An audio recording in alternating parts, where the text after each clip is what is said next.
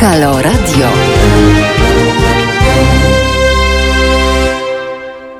Halo Radio przed mikrofonem Wiktor Niedzicki. Dzień dobry. E, zapraszam Państwa na dwie ciekawe godziny. No mam nadzieję, że będą ciekawe. Jak wiadomo, przed wakacjami wszyscy marzą o wypoczynku nad wodą. No wiadomo, żagle, kąpiele, plaża, wędkowanie. No a co się, co się stanie, jak zabraknie nam tej wody? A to jest całkiem możliwe. I to nie tylko do żeglowania, ale także do kąpieli, do nawadniania upraw, do produkcji, do hodowli, a nawet, ba, oby tylko nie, do picia. E, tegoroczna wiosenna susza była takim poważnym ostrzeżeniem. Na środku Wisły, w każdym razie w Warszawie, pojawiły się ogromne łachy, takie wyspy, łachy piasku, kamieni. E, również opadł poziom wody w wielu jeziorach. No, to już jest poważna sprawa. Dawne bagna czy mokradła stały się po prostu suche. No i zaczęliśmy sobie zadawać pytania, co będzie dalej. Na szczęście pojawiły się deszcze, zwłaszcza na południu kraju. Poziom wody w, rzek w rzekach nieco się podniósł, no i temat przestał być poruszany w głównych mediach. No ale problem, problem wody pozostał. Y, krótka poprawa stanu mm, rzek może szybko minąć. I co dalej? Czy tej wody nam wystarczy? Czy wystarczy jest jej naszym dzieciom, wnukom? E, no i w jaki sposób zatrzymać tę wodę, by nie spływała szybko i by bezproduktywnie nam nie uciekała podczas powodzi? Jaki wpływ mają malejące w Polsce zasoby wody na nas, na gospodarkę, na całą przyrodę?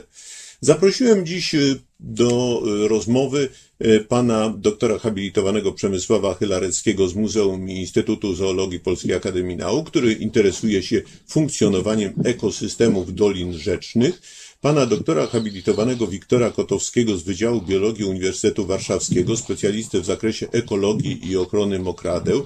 Przy okazji pana e, profesora prosimy o e, nawiązanie kontaktu ze studiem. Mamy jakieś problemy, nie możemy się do pana dozwonić, no może pan e, dzięki temu zechce z nami się połączyć, w razie czego telefon podamy.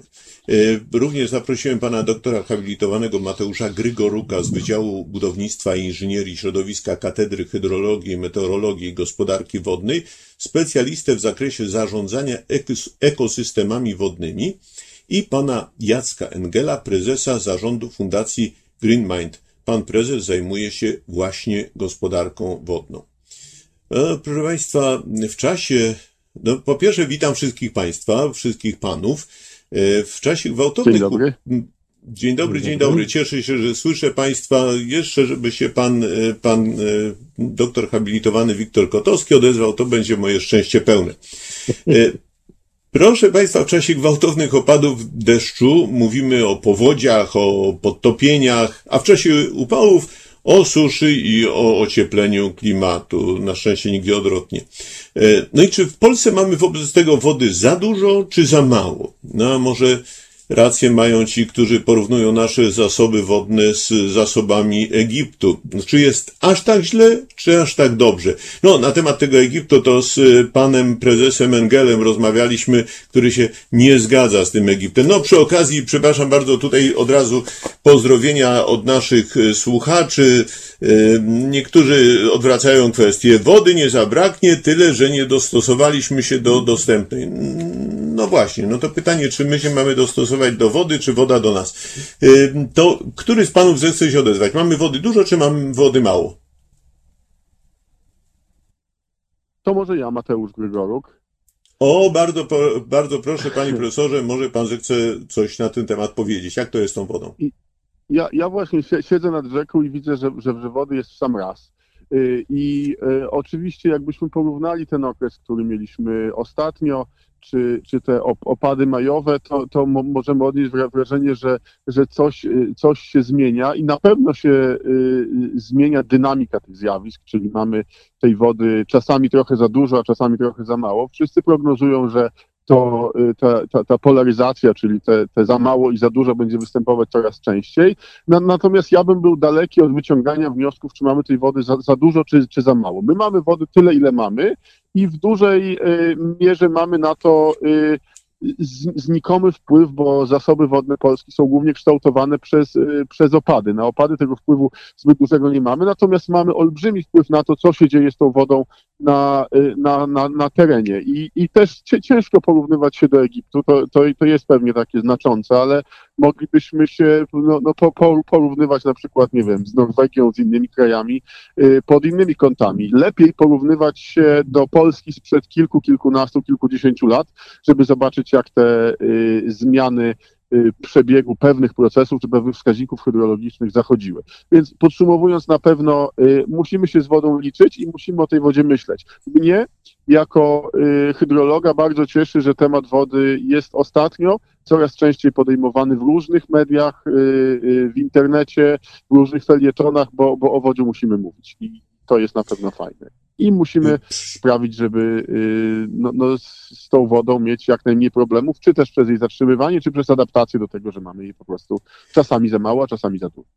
No, z tą adaptacją to wie pan, no właśnie z czego mamy zrezygnować? Z picia, mycia czy z produkcji? No to też jest duży problem. E, tutaj e, ktoś pisze, pan Andrzej, najtańszym i najszybszym, jeśli chodzi o zatrzymanie wody, tam gdzie spadnie, to jest wykorzystanie rowów wzdłuż dróg i na polach tylko jakoś by trzeba było je przekształcić, żeby nie spływała. No i właśnie to jest problem, bo pan akurat to zajmuje prawda. się tymi, tymi sprawami, no nazwijmy to hydrotechnicznymi. E, proszę Państwa, przy okazji y, y, obraz i dźwięk Państwo zawdzięczają naszym realizatorom, pani Asi i panu Pawłowi, którzy starają się, żeby było dobrze, e, żeby wszystkie kontakty były. O pani Asia i pan, i pan Paweł machają do nas rękami, bardzo się cieszę. Mm, no, jeszcze Państwo tego nie widzą, bo akurat to nie ta kamera pokazywała. O, o, te, o, widać, tak jest, teraz Państwo widzą. Dobrze. E, proszę, e, Panie Profesorze, to może Pan powie właśnie a propos tych e, rowów. No to w takim razie te rowy można wykorzystać, nie można? Jak, jak to w ogóle zrobić? Rowy można wykorzystać, bo y, tutaj rozmawiamy y, o wodzie, która spada i powinna być retencjonowana jak najbliżej miejsca, w którym spadła. Więc ten głos w dyskusji, który Pan przed chwilą przytoczył, jest na pewno y, bardzo ważny i bardzo cenny. Natomiast w wielu przypadkach jeszcze czy inżynierowie, czy, czy wykonawcy nie są tego problemu świadomi i większość odwodnień jest projektowana tak, żeby tej wody się jak najszybciej pozbyć. Nie ma takiego stałego systemu, który by zapewniał projekt projektowanie odwodnień w takim celu, żeby jak największą część tej wody rozprowadzić gdzieś po terenie, czy wręcz e, zretencjonować, e, ale najczęściej oblicza się w tych, w tych e, mm, no, procedurach inżynierskich to, ile wody z danego terenu dopłynie do rowu, następnie ile z tego rowu y, odpłynie do najbliższego odbiornika, prawda? Czyli, czyli nie zastanawiamy się, jak tą wodę zatrzymywać. Oczywiście, gdzie niegdzie wzdłuż dróg są takie zbiorniki retencyjne, ale to jest bardziej podyktowane względami bezpieczeństwa y, przeciwpożarowego. Co można zrobić? No, na pewno trzeba tą wodę łapać i, i y, tutaj no, na pewno nie, nieocenionym sprzymierzeńcem w tym, w, tym, w tym łapaniu wody są wszelkie naturalne i sztuczne sztuczne y, metody piętrzenia wody. Y, musimy ją po prostu zatrzymywać, spowalniać jej odpływ. Y, w wielu przypadkach na przykład wystarczy te rowy poszerzać, a niekoniecznie pogłębiać, prawda? Czyli żeby, żeby światło tych rowów było odpowiednio duże, ale jednocześnie, żeby ich nie przegłębiać, co powoduje odbieranie wody z przyległych do tego obszaru terenów. Trzeba też pamiętać niestety, że odwodnienia czy to dróg, czy, czy obszarów kolejowych są zwykle projektowane na pewne duże wezbrania, na duże opady, na bardzo znaczące y, zjawiska y, i o, o, niskim prawdopodobieństwie przekroczenia i y, zwykle są to momenty, w których tej wody jest zdecydowanie za dużo.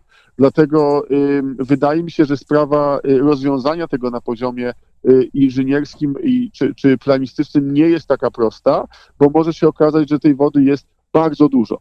Dużo lepiej jest dbać e, nie o te rowy, w których, w których ta woda płynie, czy którymi ta woda będzie odprowadzana z, e, z elementu infrastruktury, czy na przykład z drogi, czy z torowiska do najbliższego, większego odbiornika. Lepiej dbać o rzekę, której, do której ta woda dopłynie i która powinna się rozlewać, no bo, no, no bo z, tym, z tym już niestety nie możemy walczyć. Natomiast tutaj, jak, jak Państwo obserwujecie, zapewne każdy ze słuchaczy i, i każdy tutaj z, z kolegów ekspertów, czy pan redaktor, gdy jedziecie przez, przez różne miasta w, w Polsce, widać, że, że coraz bliżej rzeki są budowane no, nowe budynki, czy to w górach, czy na nizinach, czy w miastach, czy na obszarach wiejskich. Doliny są bardzo wdzięcznym miejscem do projektowania, bo jest prawda, najniżej, czy, czy te deniwelacje są naj, najmniejsze i i, i łatwo prowadzić tam elementy infrastruktury. I, i okej, to jest wszystko w porządku, tylko robiąc takie rzeczy musimy wiedzieć, że y, w pewnym momencie będziemy mieli problem związany z powodzią i musimy dać się tej wodzie rozlewać. Ta woda musi wywracać Panie energię. profesorze, przepraszam bardzo, panie profesorze, przepraszam, że ja panu wejdę. E, Halo, panie Tak, profesorze, przepraszam. Tak, ja tak. tutaj panu chcę przerwać, bo tutaj tam są nasi słuchacze, mówią, a może stopnie, kaskady, małe zbiorniki retencyjne. Tu a propos tej melioracji, o której pan wspomniał, czyli tych, m, e, tych rowów i tych różnych urządzeń melioracyjnych. Na przykład ja widziałem i zaraz mam nadzieję, że nasi realizatorzy pokażą taką maszynę, która służy, no, opracowana w Poznaniu przez e, e, Przemysłowy Instytut Maszyn Rolniczych, e, maszyna do właśnie udrażniania takich małych cieków wodnych, czy oczyszczania małych cieków wodnych. Bardzo skomplikowana maszyna, mnie się bardzo podobała. No pytanie tylko właśnie, e, czy to takie maszyny właśnie, nie, to akurat dostaliśmy nie, nie ten filmik, bo dostaliśmy noteć, a mieliśmy dostać maszynę. Przepraszam, ja rozmawiam od razu również z realizatorami, wszystko razem się dzieje. Proszę Państwa, ja się czuję momentami, jakbym był w kabinie e, statku kosmicznego. O, teraz właśnie mamy te rowy melioracyjne i mamy właśnie, będzie maszyna do, e, do czyszczenia rowów. E, Proszę, Panie, aha, no dobrze, jeżeli był ten materiał, to w porządku. Przepraszam bardzo, równocześnie my sterujemy realizacją, z filmami, rozmową i naszymi słuchaczami. Y, Panie, y, panie profesorze, to w takim razie jak to jest właśnie z tymi, z tymi rowami? To należy takie już- maszyny po prostu na większą skalę odpowiem- produkować? już panu odpowiem obrazowo, prawda, że my, jak, jak y, na przykład wszyscy się trochę znamy na motoryzacji, prawda, ja już ten przykład y, kiedyś przytaczałem, może, może ktoś z Państwa, czy ktoś ze słuchaczy y, ten przykład słyszał, jak kupujemy Porsche, prawda, takie, ja nie reklamuję, broń Boże, przepraszam, ja wiem, że to radio, ale kupujemy nowoczesny, mały, nisko zawieszony samochód sportowy w kolorze czerwonym, i jak pojedziemy tym samochodem do lasu i przywalimy w kamień, to nie mamy pretensji, że, że był kamień, bo wiemy, że wjechaliśmy nieodpowiednim samochodem w nieodpowiednie miejsce, prawda? Z drugiej Tak. strony, gdy kupimy sobie super samochód terenowy i jedziemy szosą czy autostradą i, i w głowie nam od tego samochodu aż huczy, to nie mamy pretensji do całego świata, bo wiemy, że podjęliśmy pewną decyzję związaną z wyborem samochodu. I teraz ja rozumiem, że są takie ciekawe maszyny, jak, jak ta wymyślona w Poznaniu. Jest też dy- dynamit jako bardzo ciekawy środek, jest, jest, y, jest trotyl, są, nie wiem, są ra rakiety. Musimy tylko zdawać sobie sprawę, że za zastosowanie pewnych narzędzi ma jakiś cel. I w tym przypadku, y, jak pan zobaczy, dlaczego y, na przykład ludzie, którzy kupują samochody, nie, nie obrażają się na cały świat, tylko jeżdżą takimi samochodami, którymi można zarówno pojechać do przedszkola, do opery, jak i w trasę, jak i zawieźć dzieci, jak i zapakować pralkę. Bo to jest optymalizacja. I w przypadku zarządzania rzekami, czy w przypadku zarządzania kopania tych rowów melioracyjnych, również musimy posługiwać się pewną optymalizacją, której celem jest albo wykorzystywanie terenów nadrzecznych, albo, nie wiem, albo y, y, ochrona przyrody, albo wykorzystywanie tych terenów tak, aby zarówno mogła tam funkcjonować przyroda, czyli taki, prawda, taki trochę kombi z instalacją gazową, nie taki jak ja jeżdżę, że, że to jest fajny samochód, ogólnie on może dobrze nie wygląda, może się za daleko nie dojedzie w lesie, ale jak tak się spojrzy, to, to jest całkiem niezły samochód do wszystkiego, yy, prawda? I, I tutaj patrząc na, na rzeki, my również musimy yy, dostrzec to, że te rzeki są do wszystkiego. One nie są tylko do jednego celu. Czy, czy te, te rzeki, do, do których dopływa woda z tego y, wybudowanego nową supermaszyną rowu melioracyjnego, y, ta woda trafia, tylko że ta rzeka nie ma jedynie funkcji odprowadzenia tej wody, ale ta rzeka ma cały szereg innych funkcji, na przykład samooczyszczanie, prawda? Jak, jak y, mało kto podnosi ten, ten temat, że, że y, y, ścieków do Wisły w, w tym czy tam w zeszłym roku, nie pamiętam, ostatnio, cała Polska tym żyła, Tak, tak, y, nie spowodowało znaczących strat w środowisku. A, a czy ktoś zastanawiał się dlaczego? Ano być może dlatego, że ta rzeka poniżej tego zrzutu ścieków jest rzeką naturalną i pos, po, to tu pe, pe, pe, pewnie Przemek Chy- Chylarewski będzie mógł dużo więcej o tym po- powiedzieć, ale ta rzeka jako rzeka naturalna przejadła te zanieczyszczenia, zanim zaczęły stanowić dalej zagrożenie. I, I tu mamy właśnie taką rzekę, która pełni wiele funkcji. I ja cały czas jestem zdziwiony, jako osoba pracująca na co dzień z rzekami, że ludzie nie dostrzegają tego, że, że my nie może, że nas nie stać na, na posiadanie takiego super sportowego samochodu. My nie możemy mieć samochodu do jednego celu. Chyba, że jesteśmy ekstremalnie bogaci i mamy ekstremalnie dobre dojazdy do każdego miejsca, do którego nam potrzeba. My musimy mieć rzeki, które będą takim kombi z instalacją gazową albo w dieslu 1.9, prawda? Że, że to muszą być takie rzeki, które dadzą wszystkim coś, a nie na siłę będziemy je przekształcać do, do, do jednego celu, czyli na przykład odprowadzania wody z rolnictwa, bo to jest takie. takie Okej, prawda, ale panie, panie profesorze, tak, panie profesorze, ale y, z drugiej strony, y, kiedyś, dawno tam temu, już y, 400 lat przed naszą erą, na Sri Lance jeden z y, królów y, ogłosił, że trzeba zbudować zbiornik tej wody, która spada podczas monsunów.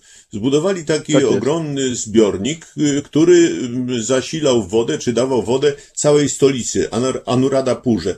Y, Potem, y, tysiąc lat później, król Kasapa I ponoć z, ogłosił, że żadna kropla nie może spłynąć z wyspy, ze Sri Lanki, jeżeli nie odda swojej pracy człowiekowi. No i wobec tego y, sta, y, zaczęto budować różne zbiorniki. Tutaj nawet ktoś pisze, że też ktoś jak budował dom, to jako jedyny odprowadził wodę z dachu do wykopanych studni i wyko, wykorzystuje tę wodę do podlewania ogrodu.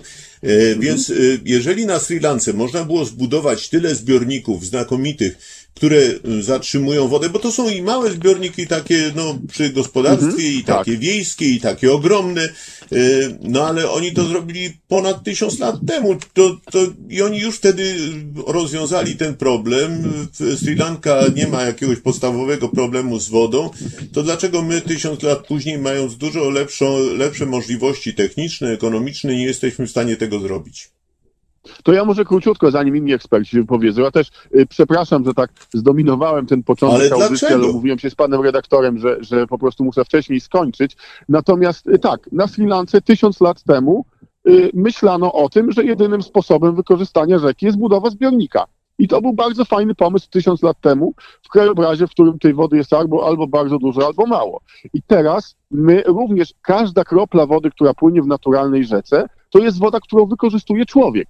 Bo dobry stan środowiska, dobry stan środowiska rzeki, to jest nie po to, żeby tutaj y, żyły w tej rzece rośliny, żeby ży, ży, żyły ryby, tylko żeby właśnie ta rzeka była dla człowieka przydatna do celów na przykład y, samooczyszczania, do celów y, walki z zanieczyszczeniami obszarowymi, które są największym źródłem zanieczyszczeń i, i przez które ubiera nam Morze Bałtyckie. Czyli my po prostu musimy spojrzeć na rzekę jako dostawcę usług nie tylko poprzez możliwość jej skaskadyzowania, ale również przez inne y, elementy czy, czy, czy inne usługi, świadczenia, które taka rzeka nam daje. I tutaj y, ja wiem, że ciężko o tym mówić, ale właśnie od tego upłynął ten tysiąc lat nauki i teraz po tym tysiącu lat y, w, w całym świecie w zasadzie dostrzega się, że dobry stan środowiska to jest również dobry stan człowieka i dobry stan społeczeństwa. I my chroniąc środowisko, nie chronimy tego środowiska po to, żeby, żeby je mieć, tylko chronimy je po to, żeby nam się w tym środowisku lepiej żyło. Odwołując Ale się do pana pytania, przepraszam, ale znowu, znowu, wody. ale Tak, znowu każda panu kropla wody. Mhm. Bo to jest to wszystko, co pan mówi, to są takie słuszne, piękne hasła. A pytanie, ale jak to zrobić? Bo y, no można zjed- albo budować zbiorniki tak, jak miała być kaskada Wisły, prawda, ileś tam zbiorników na całej długości. Mhm. Można rzekę, y, jak to się teraz, no już nie, nieładnie mówi, cywilizować, czyli ocembrować, y, założyć wały Aha. i tak dalej, i tak dalej. No a można zrobić rzekę taką półdziką, albo też częściowo taką, częściowo taką. No właśnie, w którym kierunku to powinno iść, pana zdaniem? To znaczy, musimy zapomnieć o jednej rzeczy. Musimy zapomnieć na pewno o tym, że my jesteśmy w stanie przy tych wymuszeniach, które teraz mamy, jesteśmy w stanie sprawić, że nasze rzeki będą naturalne. One nie będą naturalne. Te rzeki mogą być zbliżone do naturalnych, czy mogą mieć w wyniku odpowiedniego zarządzania, mogą mieć pewne elementy, które sprawiają, że środowisko tej rzeki ma się lepiej. I co trzeba zrobić? To trzeba na pewno starać się doprowadzić do y, re, renaturyzacji wszy, wszystkich rzek w Polsce. Ja wiem, że to głupio brzmi i, i teraz pewnie część słuchaczy będzie myślała, że ja tutaj chcę zalać całą Polskę i zabarnić, ale y, właśnie trzeba iść w, tym w tym kierunku. To znaczy te rzeki trzeba dostosować do tego, żeby one były tanie w utrzymaniu, czyli żeby mogły sobie wylewać w prawo i w lewo, bo, bo to jest wtedy po prostu y, tańsze, nie trzeba z tym cały czas walczyć, żeby te rzeki y, w okresach niżówek y, miały naturalnie ukształtowane dno, aby y, w tym czasie, kiedy jest gorąco, kiedy jest mało wody, żeby te wszystkie organizmy, które tam w tej rzece żyją, żeby się po tych dołkach mogły pochować i trzeba w końcu y, starać się doprowadzić do tego, że re retencjonujemy czy zbieramy wodę y, tak wysoko, jak ona spada. I to są w zasadzie trzy rzeczy, które wystarczy zrobić. Zaraz Państwo powiecie, że to jest drogo. To nie będzie drogo, bo jak, bo byłem, miałem przyjemność być jednym ze współautorów Krajowego Programu Renaturyzacji Wód Powierzchniowych. To taki dokument, który niedawno, bo, bo w marcu ujrzał światło dzienne. Razem z nim ukazał się obszerny podręcznik renaturyzacji wód powierzchniowych, tam z dużym naciskiem na rzeki. Obliczyliśmy, że w Polsce renaturyzacji wymaga 90% rzek i koszt tej renaturyzacji przy przyjętych założeniach będzie wynosił około dajmy na to 3 do, do, do 5 miliardów złotych, co w skali budżetu wcale nie jest e, e, takim e, dużym wydatkiem. I my tu mówimy o wszystkich rzekach, prawda? I teraz proszę sobie wyobrazić, że jesteśmy w stanie mieć rzeki, które nie wymagają znaczących nakładów finansowych, mamy rzeki, które mają dobrej jakości wodę i mamy rzeki, które są przez to właśnie, że, że są tak zbliżone do swoich pewnych naturalnych, referencyjnych odpowiedników, są odporne na, na suszę, są odporne na, na powódź. No, no to jest w zasadzie nieskomplikowane. Problem jest mentalny, problem jest w społeczeństwie, że, że wielu ludzi cały czas myśli, że, że uregulowane to lepsze, a nieuregulowane to gorsze. E, panie profesorze, tylko tak, e, powiedział pan o tym, o tej naturyzacji rzek, ja to rozumiem, no ale z drugiej strony... Mhm. Renaturyzacji, dobra, renaturyzacji rzek, e, no ale tak, wyobraźmy sobie teraz to zatrzymywanie. No możemy budować zbiorniki retencyjne, tak jak powiedziałem, albo na przykład przywracać bagna, mokradła, no tylko tak, kto mhm. przeznaczy teraz pola uprawne czy łąki na tereny podmokłe? No i gdzie ta woda ma się gromadzić, bo wie pan, zbiornik no jest jednak jakoś tam zwartą konstrukcją, natomiast jak to będzie jakieś mokradło, to zajmie nam ogromny teren, no od razu się obruszą y, mieszkańcy. Nie, nie, nie, nie, to, to właśnie, właśnie to, to nie do końca tak jest, bo y, wzdłuż tych naszych rzek występują pewne y, strefy, które można stosunkowo niewielkim kosztem po, powtórnie przystosować do tego, żeby pełniły funkcję takich właśnie stref buforowych, czy, czy odtworzyć mokradła na, na pewnych terenach, które są, y, które są cały czas teraz użytkowane rolniczo. Jest jedno narzędzie. To narzędzie nazywa się wspólna polityka rolna. Y, jak 20 y, lat temu ktoś by powiedział, że będziemy dopłacać do derkacza, czy do tego, że na łące żyje wodniczka, to wszyscy by tego kogoś wyśmiali. Powiedzieli, no jak, przecież to trzeba kosić.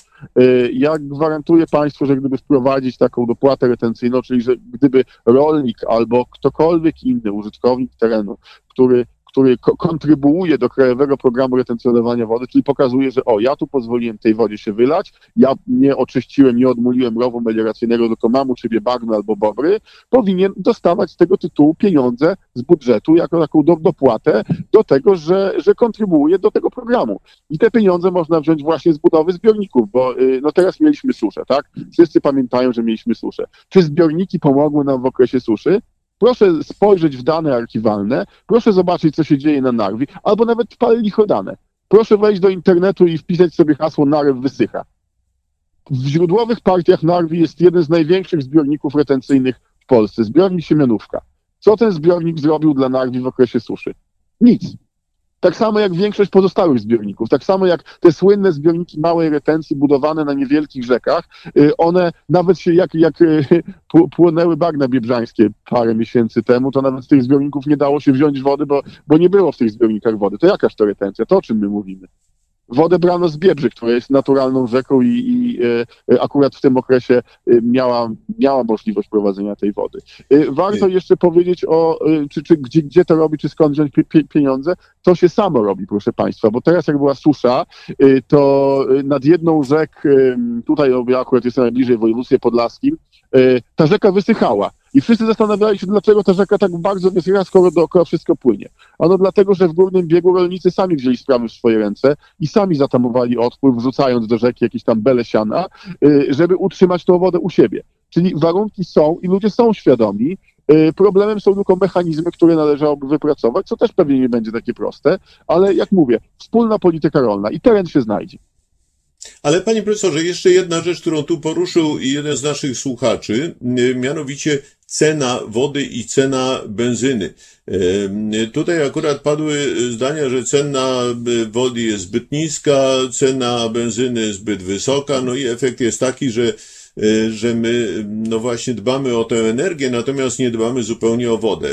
Ponieważ Pan wspomniał tutaj o tych dopłatach, no może rzeczywiście należałoby się zastanowić nad tym, że za tę wodę, no powinniśmy płacić więcej. To wie pan co, to jest już kwestia ekonomii. Ja, ja ekonomistą nie jestem, natomiast na pewno wydaje mi się, że gdyby y, pokazać y, społeczeństwu, że retencjonowanie wody ma pewną wartość, czyli jeżeli wprowadziłoby się szczególnie w przypadku obszarów rolniczych takie no, dopłaty retencyjne, jak my to próbujemy tam sprzedać, czy, czy, czy jak, jakikolwiek inny mechanizm, to, to nagle być może y, oczy społeczeństwa zwróciłyby się w stronę tego, że, że ta woda jest coś warta, prawda, że, że ktoś płaci za retencję. Ja, ja nie porównywałbym wody do, do, do benzyny, bo, bo tutaj chyba można zagubić się w zawiłościach ekonomii, natomiast na pewno powinno to być w pewnym sensie doceniane. Ta, ta woda powinna mieć pewną wartość również monetarną. No ale panie profesorze, w tym roku znowu możemy się spodziewać fali upałów. No jest duża szansa, już mamy dosyć ciepło, no ale na szczęście teraz były deszcze. No możemy się spodziewać wobec tego różnych ograniczeń, może w podlewaniu trawników, e, może jakieś inne ograniczenia, no a jednocześnie w wielu miejscach kraju e, te trawniki są koszone, co przyczynia się do dodatkowego, do dodatkowego wysuszania tej trawy, no i efekt jest taki, że tracimy tę wodę, no potęgujemy suszę, sami sobie robimy krzywdę. No a ja rozumiem z drugiej strony, że taki zadbany, wykoszony trawnik to wydaje się taki piękniejszy, zadbany, czysty. No właśnie, co robić? Taki niezadbany jest lepszy, bo utrzymuje wodę, zadbany jest y, ładniejszy, ale nie utrzymuje tej wody. To jak to wypośrodkować? Wie pan co, ciężko, tego się chyba nie da wypośrodkować, bo za tym idą nie tylko y, kwestie takie merytoryczne, czyli, czyli fakty, ale, ale również emocje. I tu, tutaj moglibyśmy o tym rozmawiać, gdybyśmy od maleńkości kształcili społeczeństwo, już od szkoły podstawowej, mówiąc właśnie, że, że tą wodę należy oszczędzać, ale nie przez to, że tam będziemy zakręcać umyjąc zęby, bo to jest oczywiście truizm, ale y, właśnie, że ta woda w krajobrazie jest najważniejsza. To gdybyśmy mieli całe, całe społeczeństwo, które by nagle po, powiedziało stop, że to jest modne, że to jest fajne, że nie kośmy całego trawnika, tylko kawałek, gdzie tam sobie najczęściej chodzimy, to może by wtedy działało. Ja, ja, ja nie wiem, co, co, z tym, y, y, co z tym zrobić. To musi być kwestia ewolucji społecznej, bo tego rewolucyjnie wprowadzić się na pewno nie da. Nie powie pan ludziom, że, że nie koszcie trawników, bo, bo tak będzie fajnie albo, albo nie fajnie. To musi wynikać y, y, właśnie z, y, z potrzeby społeczeństwa. To jest też cie- ciekawe, ten, ten wątek, który pan rozpoczął, bo są prace w, mm, naukowe, pisane przez takich teoretyków e- ek- ekologii, czy, czy generalnie nauk o Ziemi, które mówią, że, że mo- motorem dbałości o środowisko będzie właśnie to, że, że ludzie będą chcieli mieć dobrej jakości środowisko obok siebie. Czyli, że już pojadą wszędzie na wakacje, już wszędzie będą, już, już pojadą na, na Malediwy i, i wszędzie dookoła i będą chcieli spędzać miło czas w stabilnym środowisku, które jest tuż obok. I e, właśnie nie to, że ktoś na nas będzie wymuszał tą dbałość o wodę czy o przyrodę, będzie motorem y, y, postępowym do y, jakby utrzymania tego do, dobrego stanu środowiska, ale to, że ludzie w końcu powiedzą dość i że społeczeństwo powie, ja chcę mieć dobrą, czystą rzekę obok siebie z rybami, chcę mieć, nie wiem, czyste powietrze, chcę mieć fajny las, chcę mieć fajne trawy. Ale Więc- panie profesorze, ale z drugiej strony, jak się pojawiła koncepcja, żeby przy każdym domu oczka wodne, to, to się rozległ y, powszechny śmiech i w ogóle wykpiwanie to bez sensu, to co to tam, po, po co nam te oczka wodne, w ogóle te, no oczka wodne może rzeczywiście byłyby wylęgarnią komarów, ale może warto byłoby zastanowić się, to może jakiś inny sposób takiej właśnie Znaczy, małej albo maleńkiej ja bym- retencji. Ja bym się, ja bym się zastanowił e, nad tym i, i tu całkowicie abstrahując od naszych sympatii czy antypatii politycznych, co by było, gdyby o tych oczkach wodnych powiedział ktoś inny, prawda? Albo ktoś z opozycji, albo papież, albo, albo ktokolwiek inny, prawda? Nagle może by się okazało, że to jest no, dobry pomysł, bo oczka wodne, czy generalnie, może, no może nie oczka wodne, takie wyłożone tam gdzieś folią i z fontanną, do których się dolewa wodę z wodociągu, y, są dobrym pomysłem, ale generalnie miejsce, zagłębienie, w którym może się akumulować woda opadowa, a później może sobie z tego miejsca spokojnie wsiąkać i, i wysychać, y, tak aby, aby zasilać te wody podziemne, to jest dobre rozwiązanie i to jest dobry pomysł. Natomiast problemem jest to, że takie oczko wodne czy cokolwiek innego, to zaraz się przeistoczy w malutki wybetonowany stawik, do którego będziemy w, w okresie braku suszy, yy, przepraszam, braku wody, czyli w okresie suszy, bra, braku opadów, będziemy dolewać wodę z wodociągu albo ze swojej własnej studni, czyli de facto będziemy pogłębiać problem suszy i jeszcze państwo nam za to zapłaci. Pomysł jest znakomity, wdrożenie tego pomysłu, czy, czy te informacje, które były ostatnio dostępne, przynajmniej te, które ja znam, y, to jest y, y, niestety, mówiąc delikatnie, mało, mało celowe i na pewno jest to pewien krok polityczny w stronę, nie wiem, zwiększenia poparcia tej lub tamtej osoby. Także ja, ja uważam, że, że oczko wodne przy każdym domu tak, ale musimy powiedzieć, że to ma być oczko wodne, które w czasie suszy wyschnie, bo ta woda przedostanie się do wód podziemnych, przepłynie, infiltruje sobie do głębszych warstw i wtedy, no co nam z takiego oczka wodnego, prawda? Ryb nie utrzymamy, nie będziemy przekładać ich do akwarium, więc to, to bardziej y, byłby program do, do osób świadomych, które, które chcą y, zrobić w swoim terenie coś fajnego, a nie fontannę z krasnalem czy, czy, czy właśnie takie wyłożone folią łoczką. Czyli panie profesorze, czyli to byłoby coś takiego, co tam właśnie król Kasapa na Sri Lance zaproponował, czyli w czasie deszczu, żeby zbierać wodę właśnie w jakichś zbiornikach. Na przykład, tak jest. Ale e, człowiek panie będzie chciał mieć staw i zaraz no będą właśnie. dopłaty, będą ludzie się zgłaszać po to, że oni robią zbiornik retencyjny, a to będzie ordynarny staw, do którego na wpuszczanie jeszcze obcych gatunków ryb, bo tak akurat jest fajnie i modnie, można sobie posiedzieć tego Pewnie, bo są kolorowe, e, ładne. Natomiast tak? Halo, halo? No są kolorowe po prostu.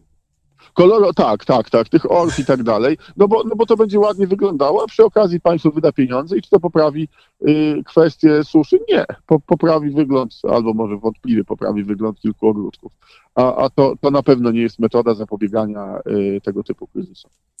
E, panie profesorze, ja pana, e, że tak powiem, celowo prowokowałem, żeby, żeby pan e, no, ustosunkował się do tych bardzo ważnych spraw, a chciałem powiedzieć jeszcze o czymś innym, że te braki wody, czyli susze, odczuwa cała przyroda. Nie tylko my, że nam brakuje, tylko tylko to jest zmiana ekosystemu Polski i, no i właśnie, w jednych miejscach jest bardzo źle, w innych jest troszeczkę lepiej. No wiadomo, że Wielkopolska stepowieje.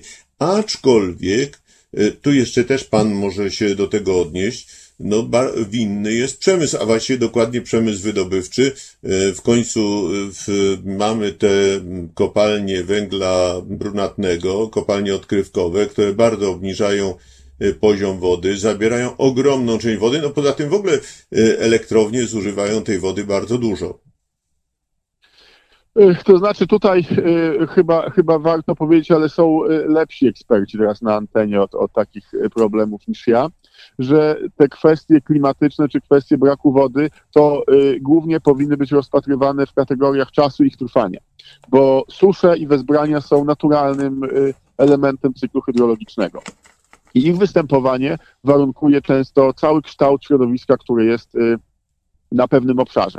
Natomiast y, problemem jest to, gdy pewne zjawiska za, zaczną się pojawiać częściej lub trwają dłużej. I tutaj w tym przypadku y, no, no jest to na pewno, y, czy, czy zmiana może być skokowa, bo pe, pewne gatunki zwierząt czy, czy, czy roślin mogą e, z danego terenu e, całkowicie się wycofać, czy zginąć na danym obszarze, właśnie dlatego, że przez długi, czy dłuższy niż kiedykolwiek e, czas trwania właśnie suszy, czy stanu wody poniżej pewnego krytycznego poziomu, te gatunki tego nie wytrzymają. I, i później, pomimo tego, że za rok, za dwa ta sytuacja wróci do swojego, powiedzmy, takiego wieloletniego typowego cyklu, to właśnie ten jeden czy dwa lata mogą, mogą sprawić, że pewne gatunki w pewnych miejscach nie będą, nie będą istniały. Y, na tematy energetyki i, i y, pozyskiwania wody do, do tych celów energetycznych ciężko jest mi się wypowiadać, może, może poza tymi małymi elektrowniami wodnymi, które, które w większości przypadków właśnie y, niszczą to, co jest poniżej w, rzece z tego względu, że za, zabierają wodę i, i zmieniają tym, y, czy, czy, czy no, no manipulują, manewrują przepływem rzeki do, do, do tego stopnia, że nawet jednego dnia możemy mieć głęboką suszę i, i tego samego dnia wieczorem albo kiedykolwiek możemy mieć powódź, bo, bo tak akurat komuś się y, y, spod, spodobało, tak będzie z tej rzeki ko- korzystał.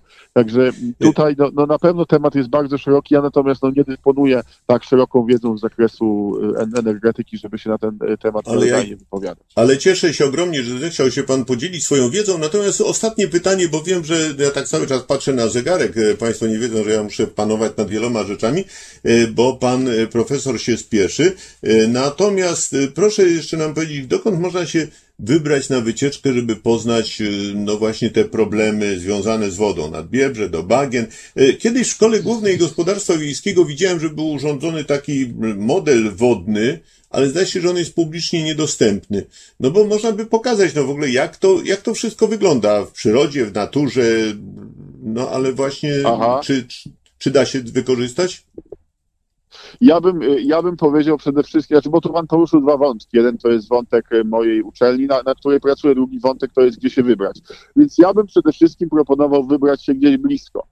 Spojrzeć na mapę, gdzie jest rzeka, czy gdzie była rzeka czasami, bo, bo na tych mapach, y, czy stan aktualności tych map jest często, no, no, może nie dzisiejszy, i pójść w te najbliższe miejsca oznaczone na mapie jako mokradła i zobaczyć, jak te miejsca wyglądają.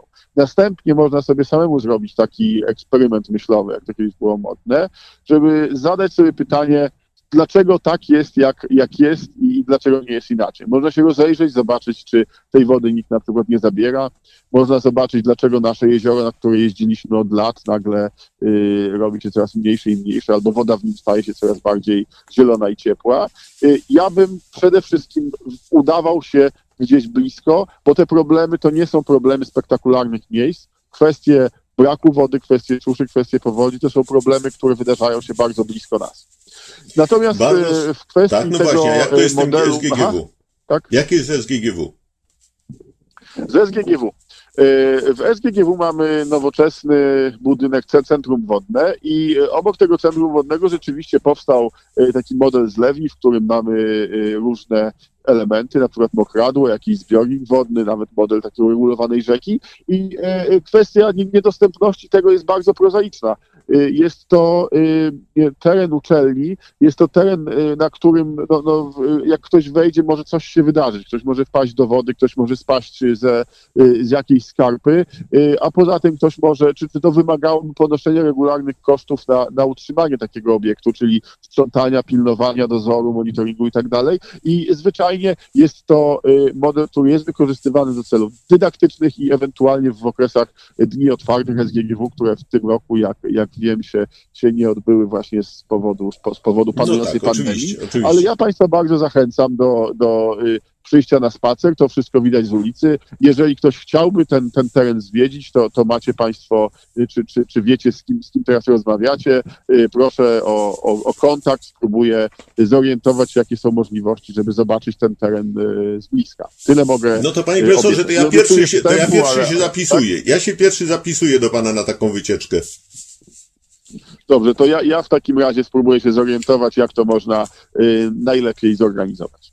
Bardzo serdecznie dziękuję. Wiem, że pan się spieszy. Dziękuję, że zechciał pan poświęcić swój czas, a Dziękuję mam nadzieję, bardzo. że jeszcze Będę, będę spotkamy śledził się. audycję y, teraz y, y, online, jak będę podróżował. Dziękuję bardzo. Y, Mamy już Dziękuję połączenie bardzo. z panem. Dziękuję bardzo, kłaniam się. Y, Mamy Do już połączenie z panem doktorem habilitowanym Wiktorem Kotowskim z Wydziału Biologii Uniwersytetu Warszawskiego, specjalistą z zakresu ekologii i ochrony mokradeł. Y, Dzień dobry panu. Dzień dobry, panie redaktorze, dzień o, dobry jak państwu. dobrze, że się udało. I, i Bardzo bardzo, przepraszam. Ja No bardzo przepraszam za opóźnienie. No, ale te, E, technika jest skomplikowana bardzo, to Nie, nie, to nie technika, to, to pro, proza życia, sytuacja rodzinna, zostałem A, sam z, rozumiem. młodzi, z młodzieżą i z, z dzieckiem w domu i tak się zaaferowałem rozwiązywaniem pewnej sytuacji, że przegapiłem po prostu ten moment A, audycji. no to, o, a to jest miałem ludzka telefon. sprawa. Więc Ale już nie będę nadzieję- zmyślał, że miałem jakieś bardzo ważne wydarzenia, rzeczywiście. No nie, no, pana, no jesteśmy poważni, pan jest poważnym naukowcem, to pan nawet nie wypada takich rzeczy robić. Y, Ale y, zacząłem tutaj, no właśnie już rozmawiając z panem y, profesorem Grygorukiem, y, zacząłem już skręcać w stronę właśnie tej przyrody. W jaki sposób ta susza wpływa na ekosystemy Polski, gdzie jest najgorzej, co możemy zrobić, no i gdzie możemy zobaczyć, bo tutaj pan Grygoruk powiedział, że można wybrać się nad dowolną rzekę, no ale podobno lepiej nad Biebrze, może do wagi nad, nad e, Bieszczadach, może, a może właśnie na te suche pola Wielkopolski. No jak najlepiej nauczyć, bo y, tutaj padło również, że no nasza wiedza jest słaba, że my się tego nie uczyliśmy, no to może trzeba zacząć się uczyć. Kiedy ja y, y, robię takie lekcje terenowe y, i, tłumaczę rolę y, ekosystemów w obiegu wody, y, to pokazuję y, zarówno to, co działa, jak i to, co zostało zepsute. Prowadzę, y, prowadzę na przykład dzieci czy, czy młodzież najpierw nad y, y, rzekę uregulowaną, gdzie y, były torfowiska zostały osuszone, rzeka wygląda jak, jak prosty kanał. I tam rozmawiamy, obserwujemy, co, co oni widzą. Czy to jest rzeka, czy to jest rów. Jedni mówią tak, inni tak. Co to jest za ekosystem? Łąka, pole, nie wiadomo, trawnik. Y, A później idziemy nad fragment tej samej albo innej rzeki naturalnej, no bo czasem się udaje znaleźć w krajobrazie resztki naturalnych takich ekosystemów. I wtedy y, ci, ci ludzie są kompletnie zdumieni, y, jak wygląda naturalna rzeka. To, że ona na tym podobnym odcinku długości doliny może pokonywać trasę wielokrotnie dłuższą, bo meandruje. Y, Ten fakt, że, że jej poziom wody i poziom y, głębokość dna tak bardzo się zmienia w y, zależności od tego, czy mamy wewnętrzny czy zewnętrzny zakres, zakręt tego koryta. Te y, mokradła i zarośla nad brzegami, i, i, i wtedy tłumaczę, jak to wszystko wpływa na y, obieg wody w przyrodzie. O tym, że ta woda, która stagnuje w mokradłach nadrzecznych, gdzie jest wilgotna gleba, w czasie upału paruje i wraca do lokalnego obiegu i schładza nam lokalnie atmosferę. O pokazuję, wyciągam ręką tą ziemię e, torfową czy, czy- mulistą e, i, i pokazuję, że ona się składa w 90% z wody tak naprawdę. Wyciskam tą wodę i pokazuję, tu jest retencja wody, a nie ta woda, którą widzicie. Więc tak naprawdę trzeba iść, e, tak jak Mateusz Grygoruk mówił, trzeba iść w swoją okolicę, ale trzeba zobaczyć resztkę tego, co miejsce, gdzie była rzeka, albo gdzie jeszcze jest naturalna i miejsce, gdzie w tej chwili jest ta rzeka uregulowana, której, która już rzeką nie jest. I, i to, ta, takie miejsca znajdziemy prawie wszędzie w krajobrazie wiejskim, miejskim też, podmiejskim. W miejskim coraz mniej jest tych naturalnych fragmentów. Tak. Y, y, Tutaj jeden z naszych słuchaczy mówi od 75 roku, z tego wynika, poziom wód gruntowych w moim rej- rejonie opadł o 3 metry. Y, Zaniknęło No wiele, z tego wynika albo z Prawdopodobnie, albo może gdzieś pobliżej jakiejś elektro, y, y, kopalni Kopalni. węgla brunatnego. Y, Tam wiem, że w Wielkopolsce właśnie w wielu jeziorach poziom wody dramatycznie spadł. Y, Ale z drugiej strony my się szczycimy, że mamy jedną rzekę taką słabo uregulowaną, Wisłę. Y, Tutaj poproszę pana realizatora, żeby pokazał nam filmik, bo to dla wyjaśnienia naszych z kolei gości y, państwo widzą, to tak filmik, który się nazywa Najpiękniejsze Pięć. To jest po prostu rzeka, która jest niezwykła dla naszych właśnie gości, którzy rozmawiają z nami. Słuchacze, widzowie mogą na, na Facebooku nas oglądać. O, właśnie w tej chwili widzimy, jak ta rzeka się zaczyna od y, y, źródeł, potem mamy Tyniec, no i tak po kolei będziemy mm, wędrowali przez Polskę, żeby zobaczyć, jak ta Wisła przemieszcza się coraz bardziej na północ. Y, No i czy wobec tego, mm, przecież inne rzeki też mamy słabo uregulowane. W niektórych miejscach tak, tam w Krakowie, gdzieś tam, ale w większości to ta Wisła się rozlewa. Podobnie Bóg, podobnie Narew, podobnie inne rzeki. To właściwie dlaczego my mówimy, że mamy, że musimy spowodować e, renaturalizację e, rzek? No, mów, pan redaktor mówi o tych rzekach, który, o, o, których większość z nas myśli, kiedy trzeba tak wymienić, wymień trzy y, najważniejsze rzeki w Polsce, czy, czy kil, ileś, kilka. Natomiast dla retencji wody, obiegu wody, najważniejsze są małe rzeki. Te y, tysiące czy dziesiątki tysięcy strumieni, potoków, rzek drugiego, trzeciego, czwartego rzędu dopływów y, tej Wisły czy Odry, które prowadzą tą rzekę na początku, od źródlisk do, do dopływów kolejnego rzędu.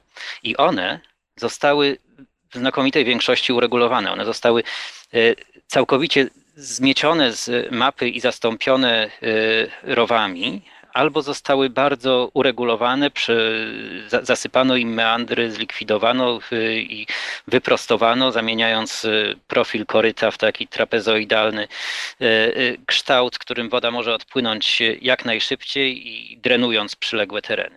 I, i, i to są te, te najważniejsze rzeki, które trzeba przywrócić i, i odtworzyć, żeby zapewnić e, e, większą retencję e, wody w krajobrazie i spowolnić jej spływ do morza. My regulując. Czy, czy, sądzi albo... pan, że mieszkańcy mhm. tych, tych miejscowości zgodzą się na to, żeby znów zamiast tej uregulowanej, wypetonowanej rzeki, żeby zrobić taką dziką rzekę? Od razu prostuję, ona zwykle nie jest wybetonowana. E, te, uregulowana bo, w sensie wykopana tak, tam. Uregulowana w sensie wygląda jak rów. E, jest, no jest tak, tak, tak, wykopana, pogłębiona, a, a, ten beton się zdarza zwykle jak, jak, jak rzeka przechodzi przez miejscowość, zwłaszcza w górach, w pobliżu drogi i, i tak dalej. Czy się zgodzą? No oni musieliby zrozumieć korzyści z tego. Oni musieliby sobie przypomnieć, e, że, e, że ta rzeka kiedyś w tej miejscowości była. E, nieraz trzeba spytać najstarszych mieszkańców wsi, gdzie tutaj kiedyś była rzeka i no, o ile rzeka jest w miejscowości, to wszystkie dzieci się kiedyś tam kąpały, łowiły ryby, bawiły.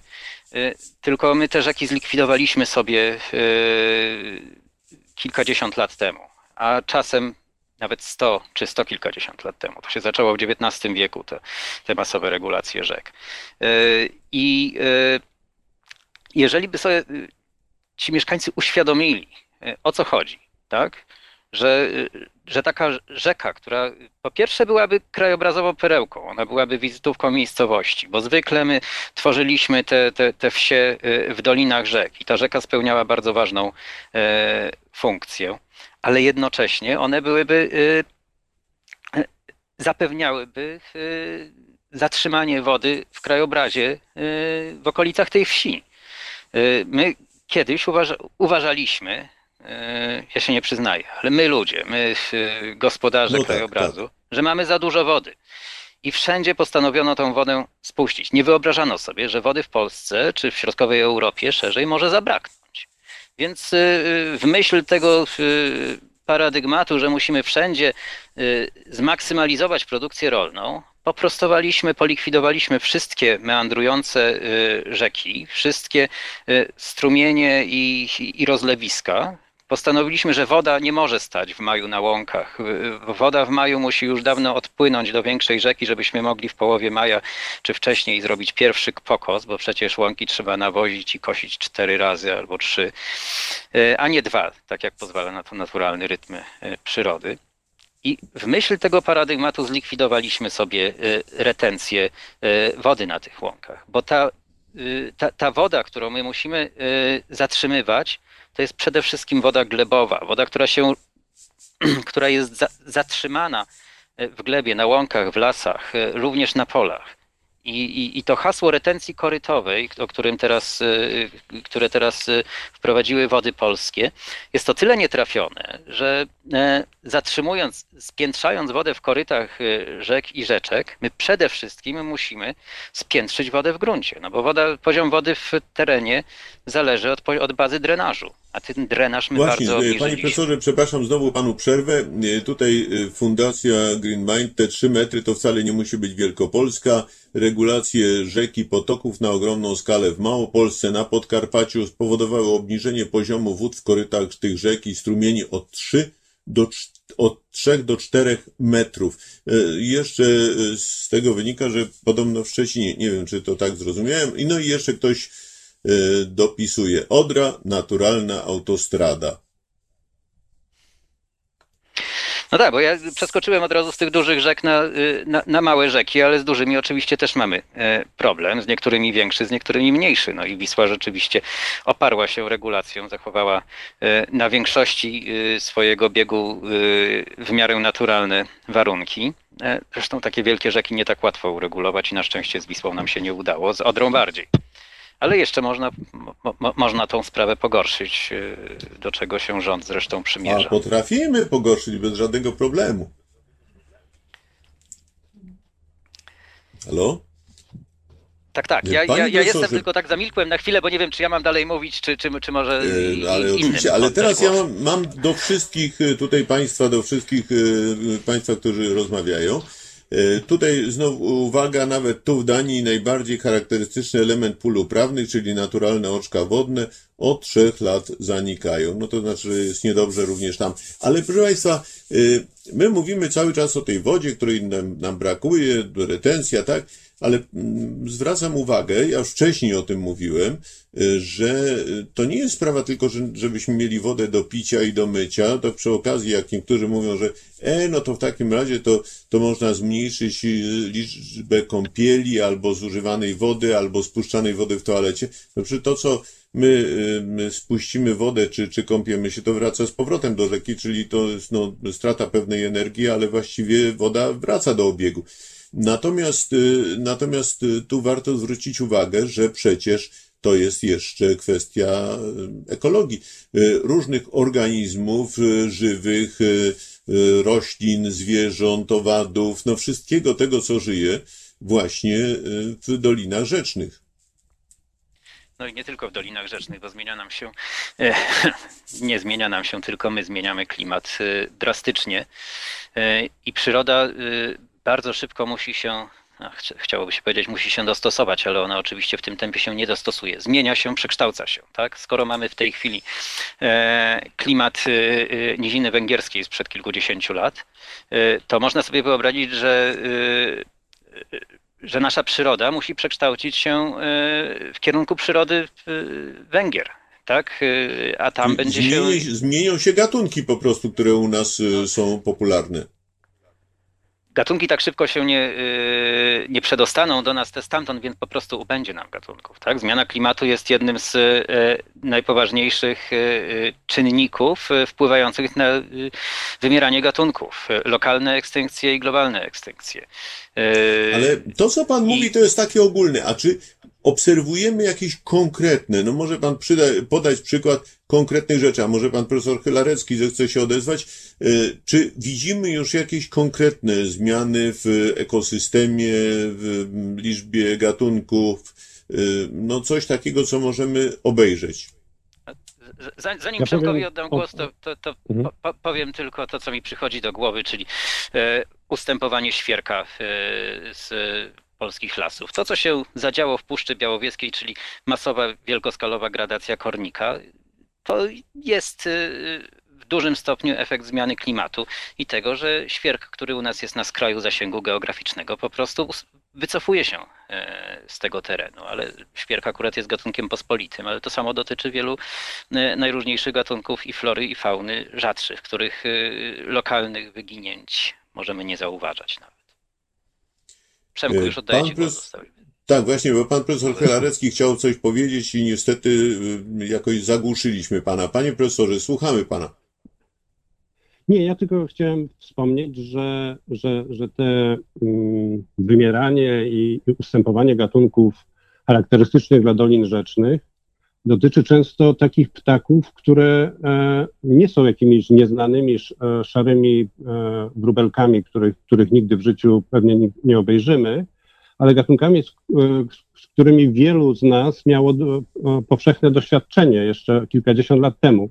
Weźmy na przykład czajkę, to jest taki gatunek, który, który no, chyba większość z nas wie, o czym mówimy, gdy, gdy, gdy, gdy słyszy słowo czajka. No więc proszę sobie wyobrazić, że czajki mamy w tej chwili w Polsce mniej więcej 30% tego, co mieliśmy w roku 2000. Dlaczego? Dlatego, że czajka jest gatunkiem charakterystycznym dla łąk i pastwisk w dolinach rzecznych, dużych, małych, średnich, wszelkich. I podobnie jak czajka, a, a szereg innych gatunków, których nazw być może większość z nas nie zna, ale na pewno ich doświadczyła, a, a chodząc na połąkach nad Pilicą czy, czy, czy na jakiś, nad, nad jakimiś małymi ciekami, to jest takie gatunki jak rycyk, kulik wielki, rodziec krwawodziowy. To wszystko są gatunki fajnych, dużych, e, e, e, widowiskowych ptaków, które masowo nam wymierają. Wystarczy powiedzieć, że tego rycyka to jest taki długonogi, e, bardzo krzykliwy ptak, którego być może część z nas zna z ostatniego refugium nad Biebrzą. Rycyka, jak policzyliśmy kiedyś, w samej Wielkopolsce od roku, e, od lat 1980 ubyło 90%. I to wszystko dla, dlatego, że są to ptaki, które są przystosowane ewolucyjnie do życia a, a, na zalewanych okresowo łąkach w dolinach rzek. Ponieważ ich cała, cała anatomia i cała, jak to się mówi, hi, e, styl życia jest przystosowany do tego, że one na przykład zdobywają pokarm w płytkiej wodzie, brodząc e, e, i znajdując tam jakieś e, drobne e, bezkręgowce.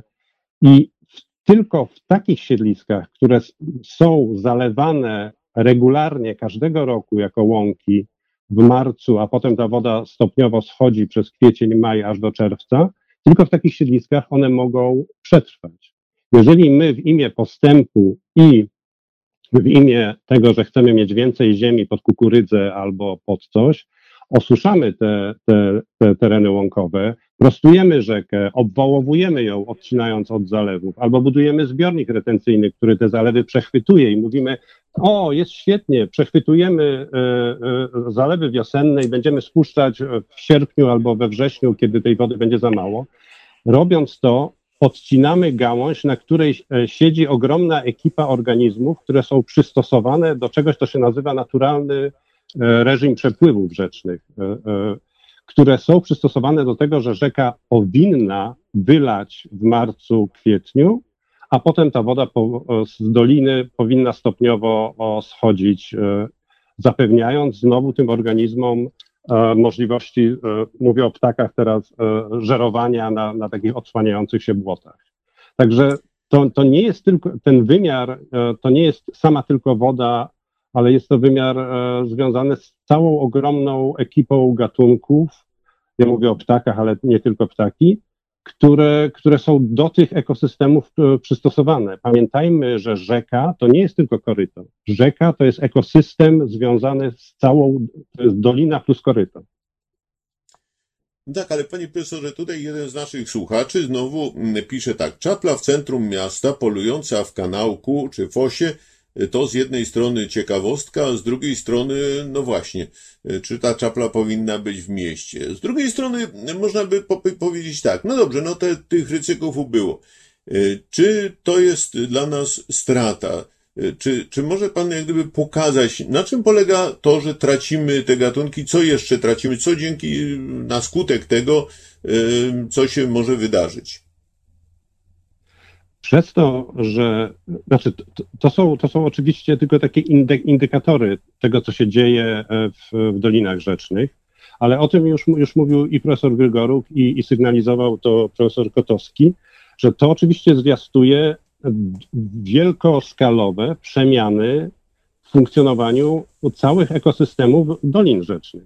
To, to nie jest kwestia tylko, że ubyło czajki albo ubyło rycyka, ale całe te ekosystemy w tej chwili funkcjonują na zasadzie daleko prostszej, to znaczy, że w miejsce tych wiosennych wylewów, które gromadziły wodę i, i, i przytrzymywały wodę przez dłuższy czas w dolinie, mamy w tej chwili w, w wielu wypadkach e, ekosystemy, w których proste koryto odprowadza szybciutko wodę do, do większej rzeki, ta większa rzeka do jeszcze większej rzeki i za chwilę ją mamy w Bałtyku, tyle że po drodze spiętrzoną w postaci ogromnej fali powodziowej, która, o, i tu już zaczynamy dostrzegać problem, stanowi dla nas problem, tak? Dla nas w miastach, e, które są zbudowane już na, nad trochę większymi rzekami i które doświadczają coraz częstszych problemów z, z powodziami, prawda? Bo, bo no właśnie, te mówimy. powodzie świętojanki przecież tak też się zdarzają dosyć często.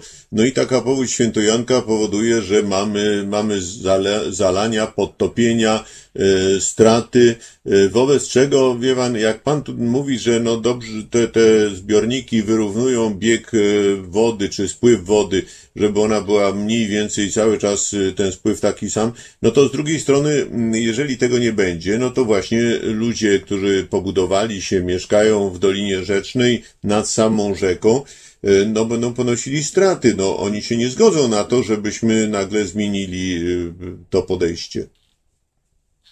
Znaczy, wydaje mi się, że, że musimy, niezależnie od tego, czy ludzie chcą się na to zgodzić, czy nie, musimy podjąć świadome i mądre decyzje, czy stać nas na wieczną walkę e, z tymi e, bezbraniami, które sami prokurujemy poprzez prostowanie i odwadnianie w górnym biegu rzek. Możemy oczywiście budować coraz wyższe wały i wiecznie e, walczyć z tym zjawiskiem, ale zdaje się, że, że, że zaczyna na świecie przeważać pogląd, że daleko racjonalniej jest jednak wycofać się z terenów zalewowych oryginalnie i dać rzekom e, przestrzeń na to rozlewanie się, bo jest to długofalowo daleko nie tylko skuteczniejsze, ale to również daleko tańsze. W związku z czym mm, to jest, to jest trochę decyzja przed nami, czy mamy nadal się boksować z tym koniem, czy jednak przeformułować swoje e, paradygmaty, jak, jak się mamy e, jako społeczeństwo w Dolinie Rzek zachowywać. Czy koniecznie mamy tam wkraczać z zabudową, czy jednak e, powinniśmy sobie zdać sprawę, że jest to trochę tak jak budowanie domu na, na wulkanie, prawda? Nikt nie buduje domu na wulkanie i, i nie, nie, mówi, no ale teraz e, nie wymaga od rządu, żeby go ochronił. To, to, jest, to jest jasne ryzyko. Doliny ale pod wulkanem, ale, ale pod wulkanem żyją setki tysięcy, jeśli nie miliony ludzi, licząc, że a może jednak nie wybuchnie, a w każdym razie nie w naszym pokoleniu, a potem to się zobaczy. No właśnie, no właśnie. Natomiast my coraz częściej doświadczamy, że to w naszym pokoleniu i co nieco, e, nie raz na 100 lat, albo dwa razy na 100 lat, tylko raz na 10 lat, albo raz na, na 8 lat. W związku z czym zmiany klimatu połączone z tym, co, co, co sami, tak jak już wspomniałem, prokurujemy, przekształcając e, całą sieć rzeczną, szczególnie w górnych biegach i, i w dorzeczach, muszą czy powinny e, wymusić na nas pewną refleksję, która powinna prowadzić do, do e, zmiany e, myślenia, czy tak dalej możemy, e, czy, czy, czy, czy aby dobrze robimy, siedząc na tym wulkanie, prawda? Czy może jednak powinniśmy e, e, trochę się odsunąć od rzeki, czy może powinniśmy zmienić ten system, bo problemy dostrzegamy wszyscy co, co, co, co kilka lat, a, a już prawie corocznie.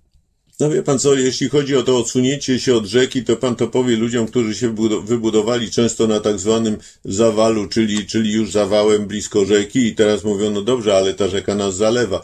E, to jest pierwsza sprawa. Ale druga to jest taka, że my mamy w ogóle krótką pamięć. E, to jest tak jak to w tej anegdocie, że no tak, no teraz jest powódź, jakie jeszcze ludzie nie słyszeli za moich czasów. No dwa lata temu była taka powódź. A dwa lata temu była, tak, rzeczywiście. No, wie pan, nasza pamięć jest bardzo krótka. Ja zapytałem swojej mamy, która no już ma swoje lata, jak się łatwo domyślać, i opowiada, jak to przed wojną potrafiła być taka susza, że przez Wisłę, ale w tym dolnym biegu, można było przejść no powiedzmy trochę zanurzając się, nie wiem, po kolana, czy czasami do pasa, można było przejść przez całą Wisłę. Czyli były takie susze i, i też się zdarzały. Więc to nie to, że to jest jedyna sprawa, raz się zdarzył, ojej, ale my mamy zmiany. Bywały już takie sprawy, to nie jest zupełna nowość. Y, susze również, ja pamiętam, że były susze potężne kilkanaście lat temu i trzydzieści lat temu. Y, my za każdym razem, każdą zmianę w przyrodzie odnosimy do siebie tak na zasadzie, ale nigdy tego nie pamiętam. Zaraz, zaraz. Y, ostatnio przeczytałem, że no nie było takiej suszy od tam 28 czy 30 lat. Aha, to znaczy 30 lat była nawet większa. E, no i to jest znowu takie myślenie na zasadzie tylko nas, ale nas to doświadcza los i klimat. Jeśli się można włączyć. Bardzo. Tak, proszę. Panie redaktorze, to nie chodzi o to, że takich zjawisk kiedyś w ogóle nie było, ale chodzi o częstotliwość i ich prawdopodobieństwo, które bardzo rośnie. E, Kiedyś e, mieliśmy suszę co lat kilkanaście, teraz mamy ją właściwie co roku.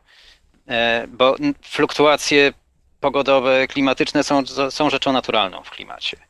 Natomiast no to, to, to przesuwanie się, to, te, zmiany klimatu to nie jest e, różnica e, z jednego roku do drugiego, tylko to jest różnica częstotliwości jakichś zdarzeń i ich prawdopodobieństwa. No i nie, nie da się ukryć, że częstotliwość tych dotkliwych zjawisk, susz jest coraz większa.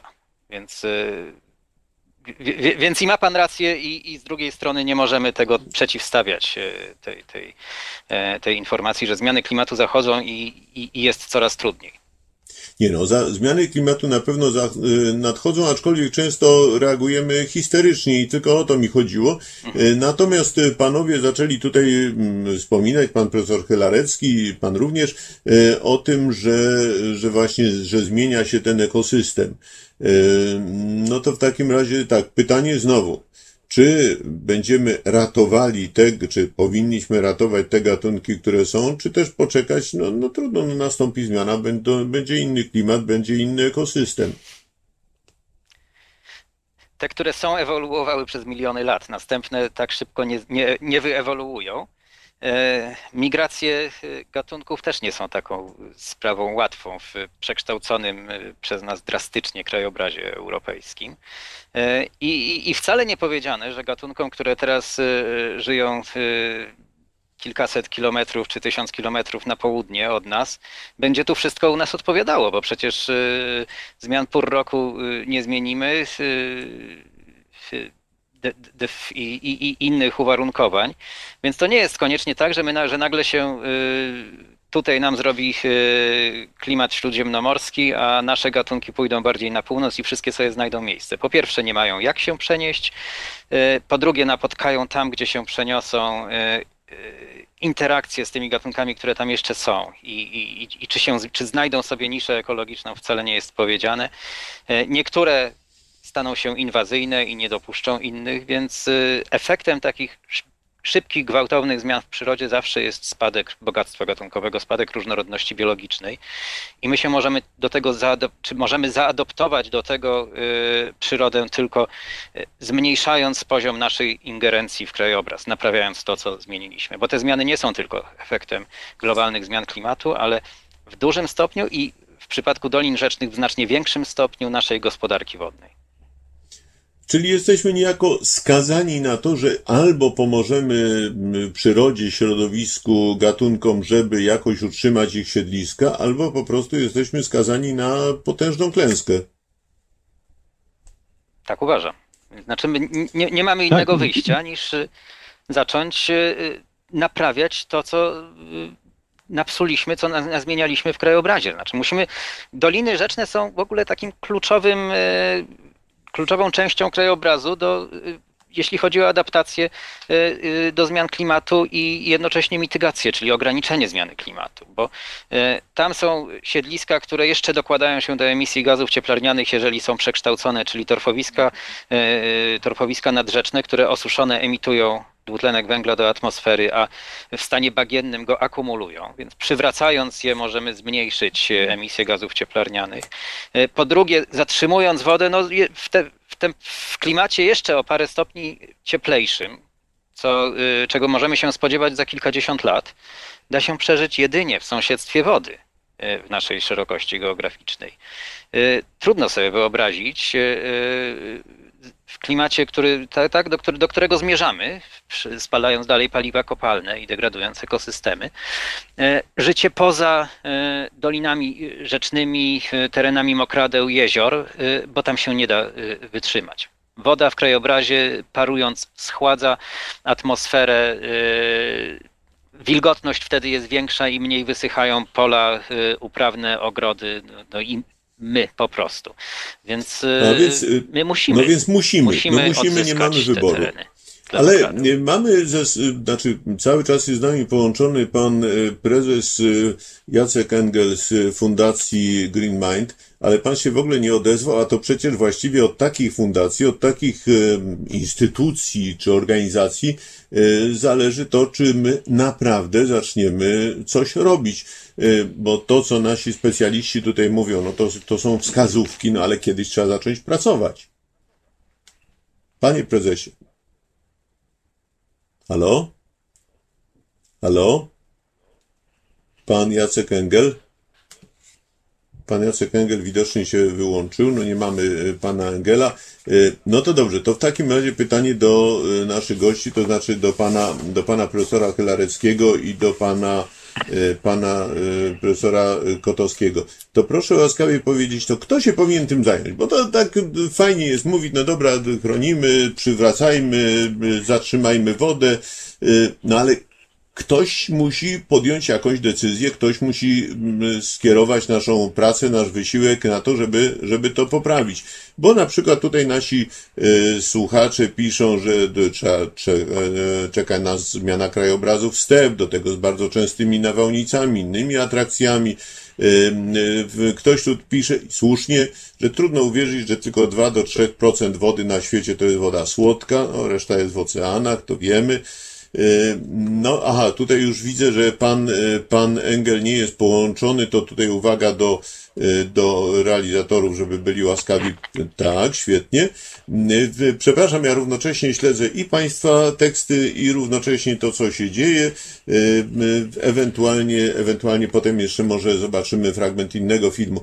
Y, Ale panowie, którzy są połączeni, czyli pan, y, pan profesor Chylarecki, pan profesor y, Kotowski, proszę łaskawie powiedzieć, kto powinien wreszcie zacząć działać? Halo? Wszyscy. No tak, wszyscy się zapowietrzyli, bo właśnie brakuje tego pierwszego. Bo, y, tak, pytanie zadane y, do niewidocznych y, interlokutorów, którym nie można dać y, sygnału no wzrokiem, niestety, no, że się takie, takie są, takie warunki Za- są, ale dobrze, Dobrze, to ja się- to ja się- okej. To, to, to, ja się w takim razie odezwę. Tak. Chciałbym, chcia, chciałbym powiedzieć wszyscy. Znaczy, wszyscy musimy się wziąć do roboty na y, różne sposoby, każdy A to w znaczy nikt, to znaczy miarę swoich możliwości. Nie, to nie znaczy y, nikt, bo każdy ma, znaczy niektórzy mają większe możliwości i prerogatywy, inni mniejsze, ale jest tu miejsce zarówno dla działań na poziomie decyzji administracyjnych i na poziomie prawa i instrumentów prawno-finansowych. I to jest najważniejsze.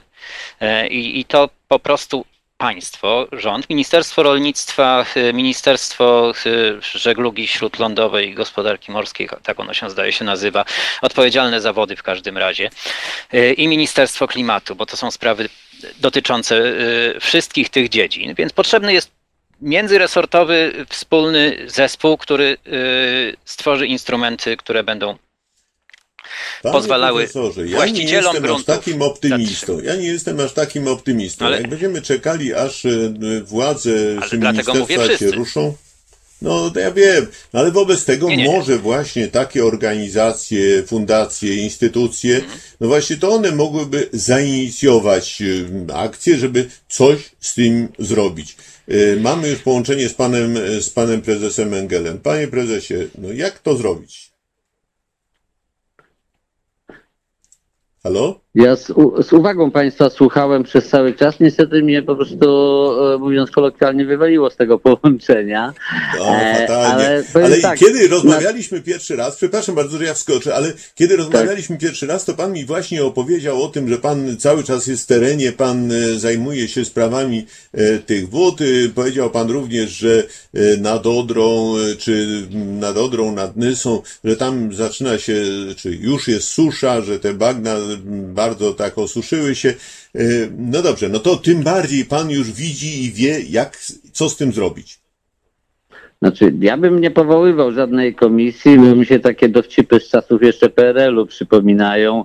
E, e, a mianowicie, że e, jak jest jakiś problem, to się powołuje grupę roboczą, prawda? E, ja myślę, że, że każdy, każdy ma coś do zrobienia. E, nie wiem, czy, czy zgodzicie się Państwo ze mną. Ja ostatnio miałem takie obserwacje, jeżdżą, jeżdżąc drogami krajowymi, autostradami i ekspresówkami, gdzie w zasadzie już te pobocza i skarpy wyschły całkowicie, a ko- kosiarze, ponieważ tak mają to zapisane w umowach, pewnie e, uparcie koszą. Ja sobie to później policzyłem. E, w skali kraju przy drogach krajowych i wojewódzkich jest e, kilkadziesiąt do stu tysięcy hektarów terenów trawiastych. Pytam się, po co to kosić? No zostawmy, zostawmy to, niech się tam woda zbiera, nie, nie, niech, niech potem pomału przesiąka do, do, do atmosfery. No dlaczego na Sycylii, która jest no, trochę suchszym miejscem na ziemi niż, niż, niż Polska, dlaczego e, przy ekspresówkach może trawa rosnąć? Mało tego, między dwoma pasami autostrad rosną krzaki, drzewa i nikomu to nie Tak, przeszkadza. tak, rosną Jest- jest- forsycje, jest- są bardzo ładne na, na wiosnę. E, Panie prezesie, Jest- mamy połączenie e, ze słuchaczem. Może posłuchamy, co słuchacz chciał tutaj dorzucić Jasne. i wrócimy do rozmowy z panem, dobrze? Jasne. Słuchamy słuchacz. Dzień dobry. Dzień dobry. Halo, halo. Z tej Tak, Jacek, e, ogrodnik zachodniopomorskiego. A propos Tak. tych dróg, to też, też to zauważyłem. E, Wystarczy pojechać, jechać w kierunku Berlina, a już rosną dzikie róże przy autostradzie A2, a u nas wszyscy ładnie, pięknie koszą te trawy. E, A propos tego, co zrobić, e, żeby tą wodę zatrzymać w, środowisku, mm, jest coś takiego jak dopłaty rolne. I u nas w zachodniopomorskim jest, jest, jest, jest, du, jest dużo łąk, gdzie e, rolnicy e, nie mają bydła, więc wykaszają te łąki tylko po to, żeby dostać dopłaty. E, a można byłoby coś takiego zrobić prostego, że no bo każdy, każdy liczy, więc wykoszenie trawy to kosztuje e, sprzęt, paliwo, amortyzacja, więc wystarczyłoby, gdyby Agencja Nieruchomości Rolnych Skarbu Państwa e, swoich, e, gdzie się składa wnioski, tak, na dopłaty rolnicze. E, była taka e, rubryka łąki niekoszone albo zabagnione i rolnik dostałby te same pieniądze, albo część rolników by się zgodziło na to, że, że nie będą kosić, tak, bo nie mają hodowli, nie zależy im na tym, żeby tą łąkę utrzymać w takiej dobrej kulturze, więc z chęcią, pewnie z chęcią część rolników by się zgodziła e, na to, że e, zrezygnowałaby z koszenia, pieniądze by dostawała te same, e, nie zużywaliby paliwa, czyli wiadomo ślad węglowy, a system ekologiczny, czyli woda by się tam podniosła, tak, bo by nie byłoby, te łąki nie byłyby meriolowane, no bo po co, tak? Bo, bo przecież tam nie trzeba niczym wjeżdżać, więc po- poziom wody by się podniósł, czyli zasobność wody by się zwiększyła. Jest to jakiś to, to, to jest takie proste, to jest proste rozwiązanie. E, Jasne. co, panowie, co panowie na to? Dziękuję panu bardzo. Co- Co nasi eksperci na to? Okej, dziękuję. Dziękuję. Powiedział pan, Co- mo, mogę? Tak, proszę bardzo. Po, po, po, powiedział pan, panie, panie Jacku, bardzo ważną, ważne słowo, te łąki wtedy nie byłyby meliorowane. Bo tak naprawdę no to właśnie. Nie rzecz w samym skoszeniu. Kiedy apelujemy o niekoszenie trawników w miastach, to chodzi o to, żeby ich nie, ko- nie kosić w kółko na okrągło kilka czy kilkanaście razy w roku. Natomiast no, łąka jest łąką, póki jest koszona. Są zresztą no, osobny rodzaj dopłat y, rolniczych, rolnośrodowiskowych y, do utrzymania walorów przyrodniczych łąk y, i, i, i, warunkiem utrzymania tych wa- walorów, czy, czy dla ptaków, czy dla y, y, flory, jest ich koszenie. Ale, ale powiedział Pan o melioracji i to jest najważniejszy problem. W wielu miejscach, nawet tam, gdzie rolnicy dostają dopłaty do e, utrzymania podmokłych łąk, cennych przyrodniczo, żeby chronić tam ptaki czy, czy rzadkie gatunki roślin, oni w mokrych latach zaczynają odwadniać te łąki, pogłębiają rowy, żeby tam łatwiej było wjechać ciągnikiem, bo mają wielkie ciągniki kupione teraz za unijne dopłaty, e, które na podmokłą łąkę nie wiadą. E, więc odwadniają tą łąkę, na którą biorą dopłaty, żeby mieć podmokłą łąkę, po to, żeby ją skosić, żeby dostać tą dopłatę. I to jest absurd. E, to, co się ostatnio działo na Bagniewizna, w sąsiedztwie Biebrzańskiego Parku Narodowego, kiedy Biebrzański Park płonął, tam właściwie tuż za jego granicą trwały prace pogłębieniowe na, na rowach.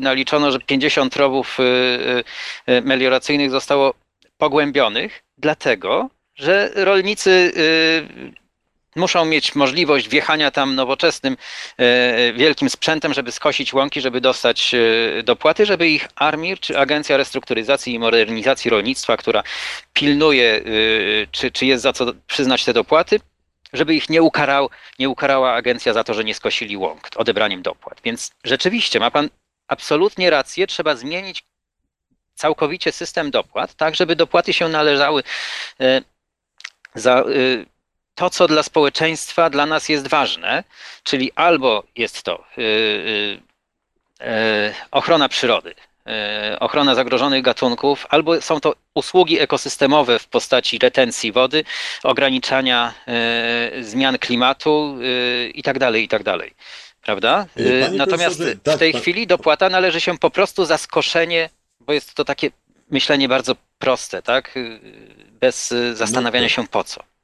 Jasne, ale panie profesorze, y, znów odsunęliśmy, że tak powiem, od rozmowy pana prezesa Engela, który zaczął mówić mhm. o tych zaroślach przy drogach, nawet przy autostradach. Mówiliśmy na Sycylii, ba, w całych Włoszech praktycznie forsycje rosną właśnie w tym pasie rozdzielającym. Jak się jedzie na wiosnę, to one pięknie kwitną na żółto, no, czyli można. Dlaczego u nas nie można? Nie wiem. Podobnie z tymi różami, które rosną na poboczach e, również w autostrad niemieckich.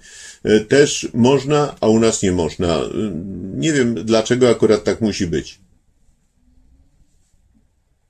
Panie prezesie. Mo tak, znaczy, no to ja też, ja też, ja też nie wiem yy, yy, i obiecuję yy, panu i słuchaczom, że, że wystąpimy do Generalnej Dyrekcji Dróg Krajowych i Autostrad z pytaniem i, i, i również wnioskiem, żeby postulatem, żeby to zmienić, żeby, żeby tej trawy pięć razy w roku nie kosić, wystarczy skosić ją raz w roku, a, a, a, a dalej od szosy w ogóle jej nie kosić, kośmy ją tam, gdzie, gdzie, gdzie to wpływa jakoś na bezpieczeństwo.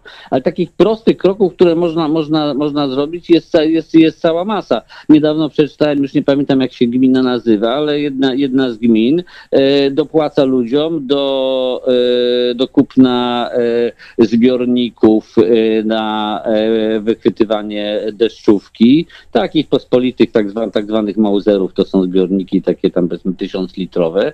E, to jest oczywiście dużo tańsze, bo Narodowy Fundusz Ochrony Środowiska uruchomił program E, dopłaty do łapania deszczówki. E, e, nie pamiętam, jakie tam są pieniądze, ale dopłaty są rzędu 5 tysięcy złotych. No to znowu, gdybyśmy dopłacali dużo mniej, a naprawdę można, można te rozwiązania zrobić bardzo, bardzo tanio, to byśmy tej wody nałapali 10 razy więcej niż, niż przy tych ogromnych dopłatach. Obstawiam, że ceny bardzo wymyślnych zbiorników ładnych do, do łapania deszczówki wzrosną, jak również innych, innych urządzeń do, do, potem do rozprowadzania tej, tej deszczówki. E, mówił Pan również, że na terenach e, tych nad Odrą, nad Nysą, e, no jest sytuacja bardzo niedobra. Podejrzewam, że wcale nie, nie lepsza niż na tych bandach nadbiebrzańskich, a może nawet jeszcze gorsza. No ale tam przecież często te bagna, te tereny podmokłe, no nie były specjalnie zagospodarowane, one były tak, y, że tak powiem, puszczone samopas, no mimo to i wysychają. Czyli coś jeszcze trzeba zrobić, żeby ta woda y, tam jednak została. Znaczy, ja, ja mieszkam na, e, e, na wale przeciwpowodziowym, e, który rozdziela rozlewiska warty od, od tych terenów właśnie zmeliorowanych i, i osuszonych. I no, mam, mam kilka obserwacji. No faktycznie ten rok od, od, od prawie 40 lat, jak tutaj mieszkam, jest, jest, jest, no, mamy tu najniższy poziom wody o tej porze roku. No oczywiście to wynika z tego, że mamy w Polsce suszę od w zasadzie od dwóch lat. Mamy dużo mniejsze, mniejsze opady, ale też y, tu chcę y, nawiązać do tego, co, o, czym, o czym mówili profesorowie i Kotowski i wcześniej Grygoruk, a mianowicie no, zepsuliśmy sobie całe zlewnie, no bo kluczem do, do, do tego, żeby była woda e, w takich dużych rzekach jak, jak Warta, Odra i, i, czy, czy Wisła, no jest to, co się dzieje e, w górnej części zlewni. A właśnie, no, o, porozmawiajmy o Noteci. No, e, Noteć praktycznie została na skutek e, e, e, drenażu przez kopalnię węgla brunatnego, przez konińskie kopalnie, została praktycznie osuszona. Nie wiem, czy, czy Państwo pamiętacie słynną historię ze statkiem e, Łokietek, który utknął Tak, na, się wszyscy tak, się tak. śmiali, na drodze, na międzynarodowej drodze wodnej, e, statek o zanurzeniu tam parudziesięciu centymetrów e, e, utknął, e, ponieważ e, wody było po łokietek, prawda? No, nie była to jakaś dramatyczna sytuacja hydrologiczna, taka jak w tym roku, tylko po prostu e, kopalnie węgla brunatnego zdrenowały e, Noteć. I, I teraz wracamy do tego, e, e, e, do tej odpowiedzialności państwa, no bo to tak naprawdę państwo odpowiada za to, żeby obywatele mieli dość czystej wody do picia i, i mycia. No to ja się, ja się pytam pana, pana ministra Grubarczyka, czy, czy wydawanie, jak on to obliczył, 70-90 miliardów, myśmy policzyli, że to jest 200 miliardów złotych na, budowa, na budowę dróg auto, tych tak zwanych autostrad wodnych, czyli e, e, mówiąc, e, przekładając na nasz język, na całkowite zniszczenie ponad tysiąca kilometrów naturalnych i seminaturalnych biegów, biegów rzek, co oczywiście znacząco wpłynie na, na, na pogorszenie jakości wody i na dostępność wody wbrew temu, co mówi minister. No to jeżeli, jeżeli profesor Grygoruk mówił, że renaturyzacja wszystkich, czy prawie wszystkich rzek w Polsce ma kosztować 2-3 miliardy, no to wydaje się, że, że, że to jest kierunek, gdzie, gdzie, gdzie powinniśmy inwestować, a nie, a, nie, a nie w bezsensowne wodne autostrady, które się e, nie, sprawdzi, nie sprawdzają.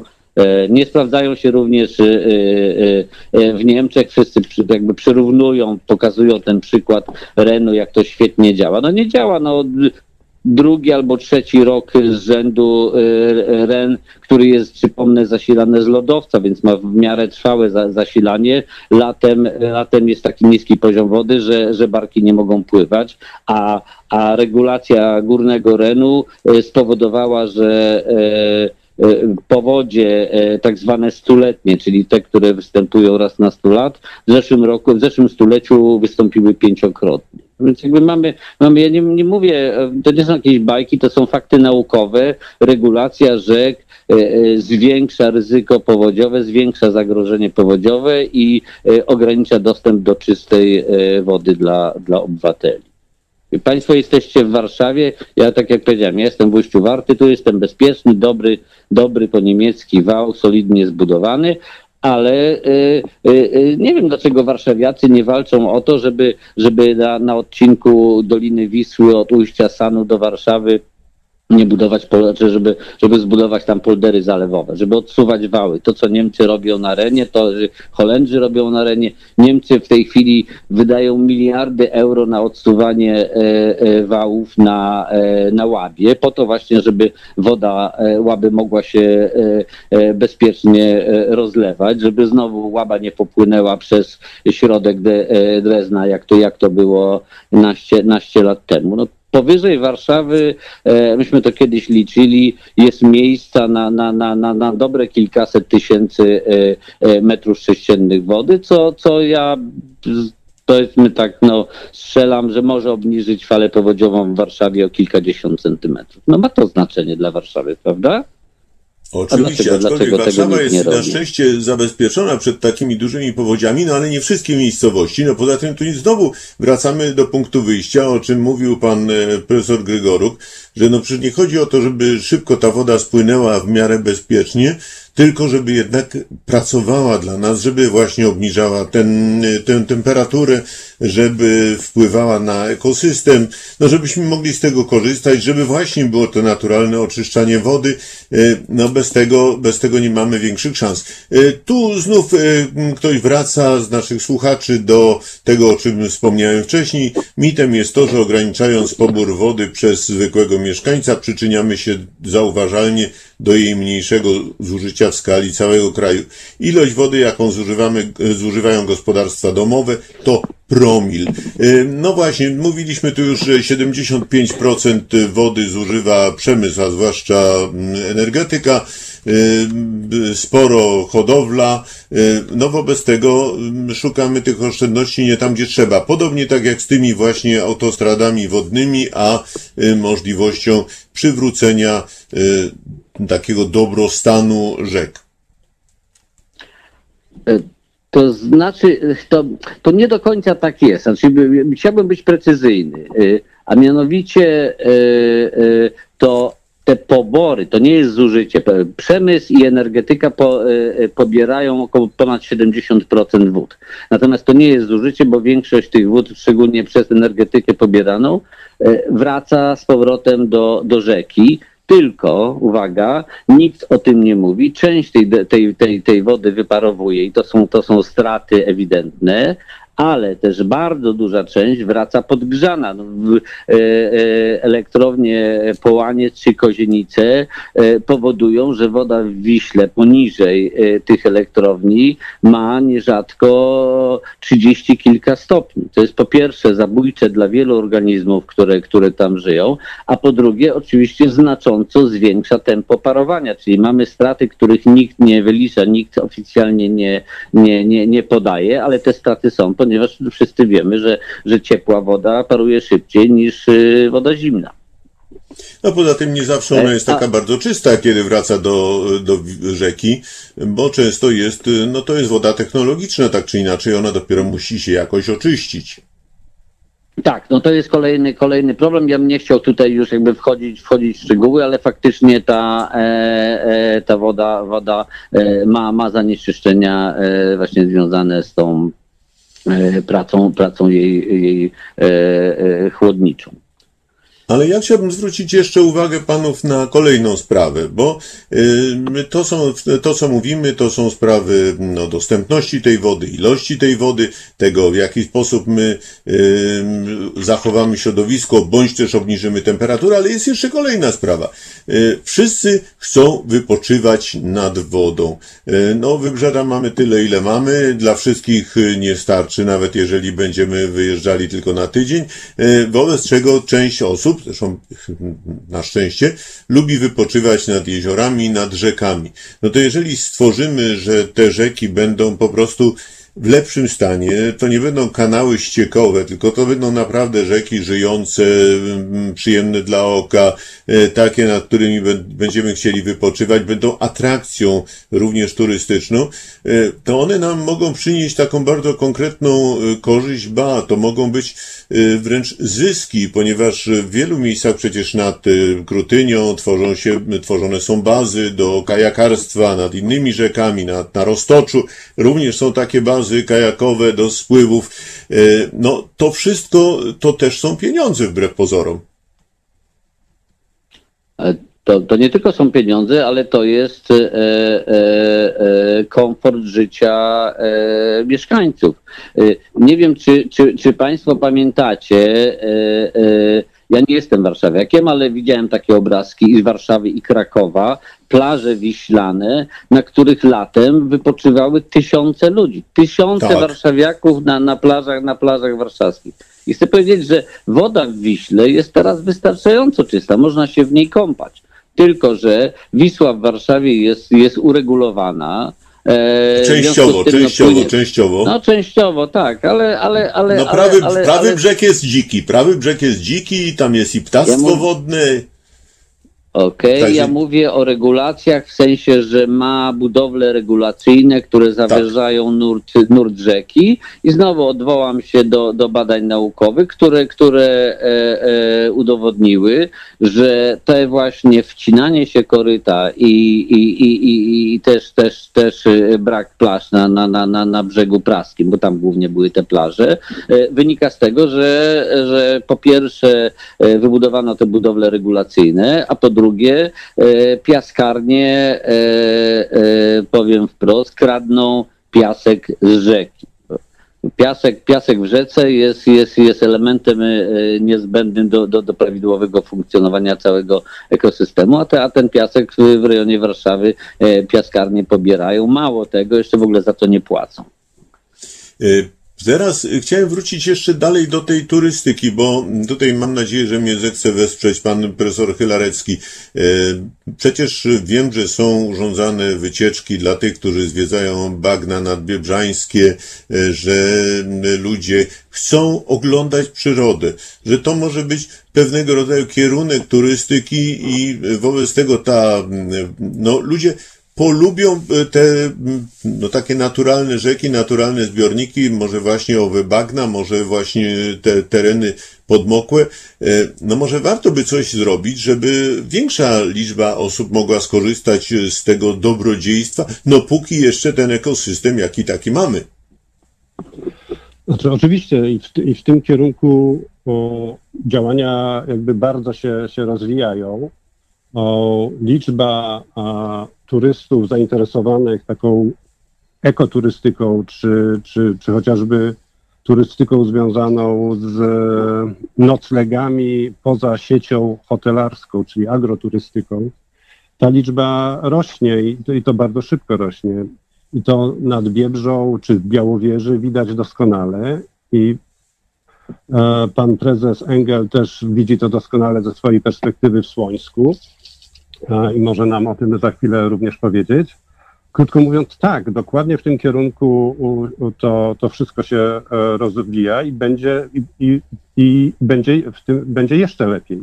Pamiętam parę lat temu, gdy rozmawialiśmy e, z, o, o problemach związanych z e, budową drogi przez Rospudę, e, słynny, słynny spór o to, jak, jak, e, jak chronić e, przyrodę w, w Polsce północno-wschodniej, to ówczesny minister, e, wiceminister transportu powiedział, a właśnie w tym roku dochody z turystyki, udział, o, udział turystyki w tworzeniu PKB w Polsce przekroczył e, poziom, e, do, poziom u- u- e, który, który generuje rolnictwo.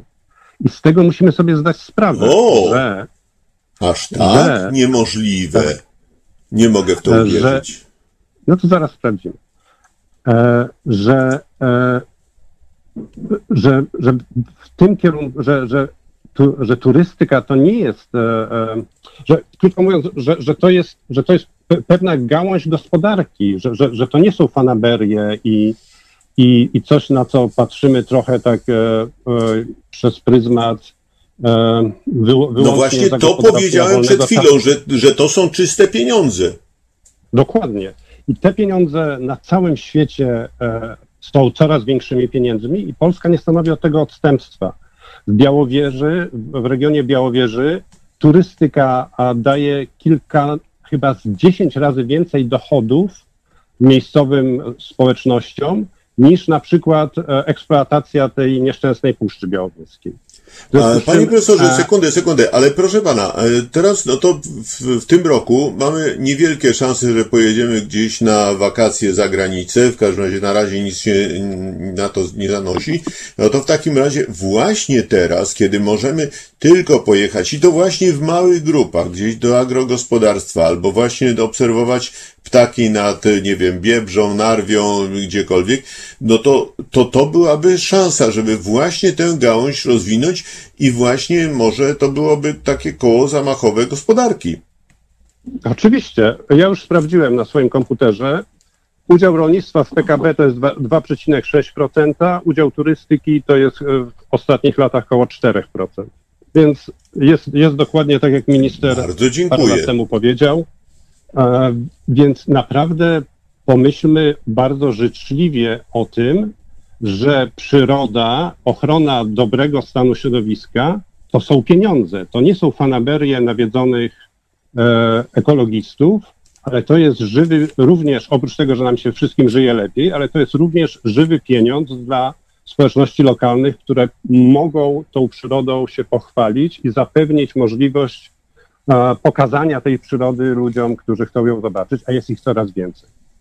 No to w takim razie dziękuję bardzo, że pan to i sprawdził i uzupełnił e, do pana prezesa Engela. No to może właśnie w tym kierunku można by przekonywać również władze i to władze może nawet lokalne, e, że warto włożyć znacznie mniejsze pieniądze, a uzyskać znacznie większe zyski, niż topić te kilkadziesiąt miliardów, żeby tworzyć jakieś autostrady wodne, e, które nie, przynio- nie przyniosą nam zysków, a pewnie tylko straty. Znaczy, ja absolutnie potwierdzam to, co mówił e, profesor Chwerecki, e, też jako właściciel gospodarstwa agroturystycznego w Ujściu Warty, w sąsiedztwie Parku Narodowego No, Ujście to nie Warty. wiedziałem, że to Ale- jeszcze można pojechać i, i zobaczyć to na miejscu. No Dwa- bardzo dwa, się cieszę. Dwa miesiące mieliśmy, mieliśmy tutaj spokoju i pustki, ale widzimy po prostu, że ludzie muszą odreagować i, i, i, i, i telefony się urywają.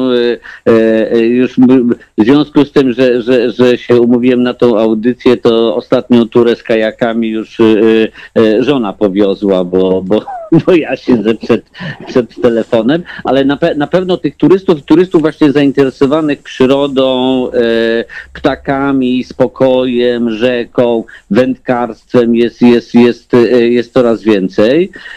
Nie pamiętam tych liczb w tej chwili i nie, nie, chcę, nie chcę tutaj bujać, ale cały przemysł wędkarski to, jest, to, jest, to są ogromne pieniądze, no bo, no bo ludzie wydają pieniądze na to, żeby pojechać na ryby, żeby przenocować, żeby tam zjeść. Wydają na sprzęt wędkarski, który jest, jest, jest bardzo drogi. E, Są w Polsce już takie łowiska specjalne no kill, czyli gdzie nie wolno ryb zabierać, zabijać, tylko się je wypuszcza z powrotem, czyli, czyli, czyli, czyli takie wędkarstwo sportowe, które, którego na przykład rzeka Pad słynie, gdzie ludzie e, e, z całego świata walą, żeby, żeby łapać ogromne sumy w tym, w tym, w tym padzie i tam, no to tam straszne pieniądze na tym, na tym zarabiają i w Polsce też już takie łowiska specjalne się, się pojawiają jako, jako, no na razie jako, jako rodzynki, ale ja, ja mam wrażenie, że mamy pewien e, rozdźwięk między tym, co się dzieje e, na dole, e, e, co, co dzieje się w samorządach, które e, te potrzeby rozumieją i które no, są bliżej ludzi. W związku z tym jest łatwiej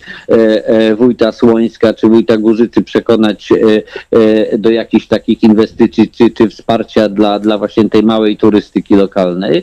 Natomiast e, władza w Warszawie kompletnie tego nie widzi. No, no, no tak jak powiedziałem, no, pomysł, pomysł z budową e, e, e, dróg wodnych, no nijak się nie ma do, do, do, do, do potrzeb e, ludzi, którzy nad tymi rzekami mieszkają. Pomysły na, na, na budowę, no na przykład zbiornika, tak strzelam, zbiornik e, e, Kąty Myscowa e, na Wisłoce. Piękna rzeka. Jeżeli wracamy do pytania, e, gdzie pojechać, żeby zobaczyć naturalną rzekę, jak to wszystko, prawda, działa, no to za, e, zapraszam i polecam wyjazd do Magórskiego Parku Narodowego, do, do, do źródeł Wisłoki i, i górnego, górnego biegu, gdzie, gdzie, gdzie rząd chce zafundować zbiornik retencyjny, podobno przeciwpowodziowy. Z naszych wyliczeń wynika, że ma ochronić mniej więcej tyle samo ludzi, ile trzeba wysiedlić dla jego, dla jego zbudowania, a, a cała dolina, cała okoliczna je- jest śliczna i, i też tam byłem, byłem niedawno, prawie zawodowo, ale widziałem, że po prostu w weekend y,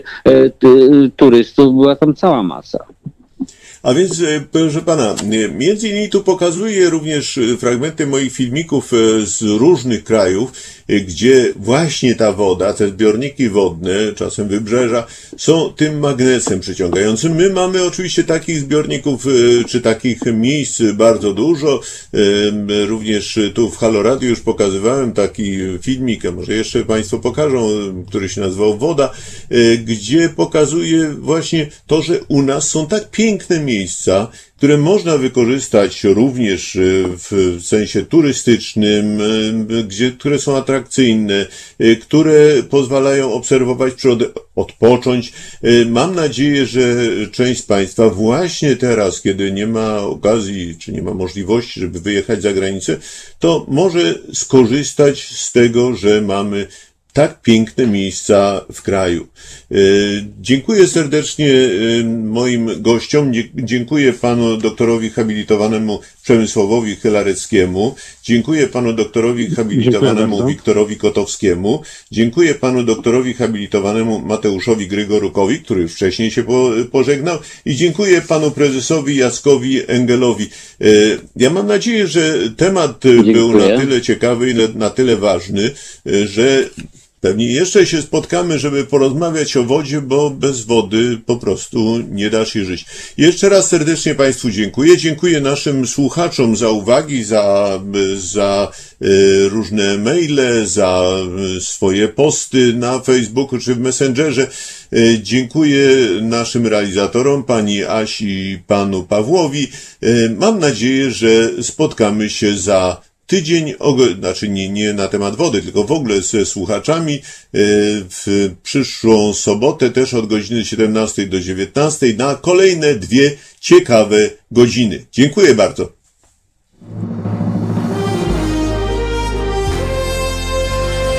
To proste. Żeby robić medium prawdziwie obywatelskie, potrzebujemy Państwa stałego wsparcia finansowego. Szczegóły na naszej stronie www.halo.radio, w mobilnej aplikacji na Androida i iOS-a oraz na koncie Fundacji Obywatelskiej w serwisie www.patronite.pl. Naszym darczyniom i darczyńcom serdecznie dziękujemy. www.halo.radio. Słuchaj na żywo, a potem z podcastów.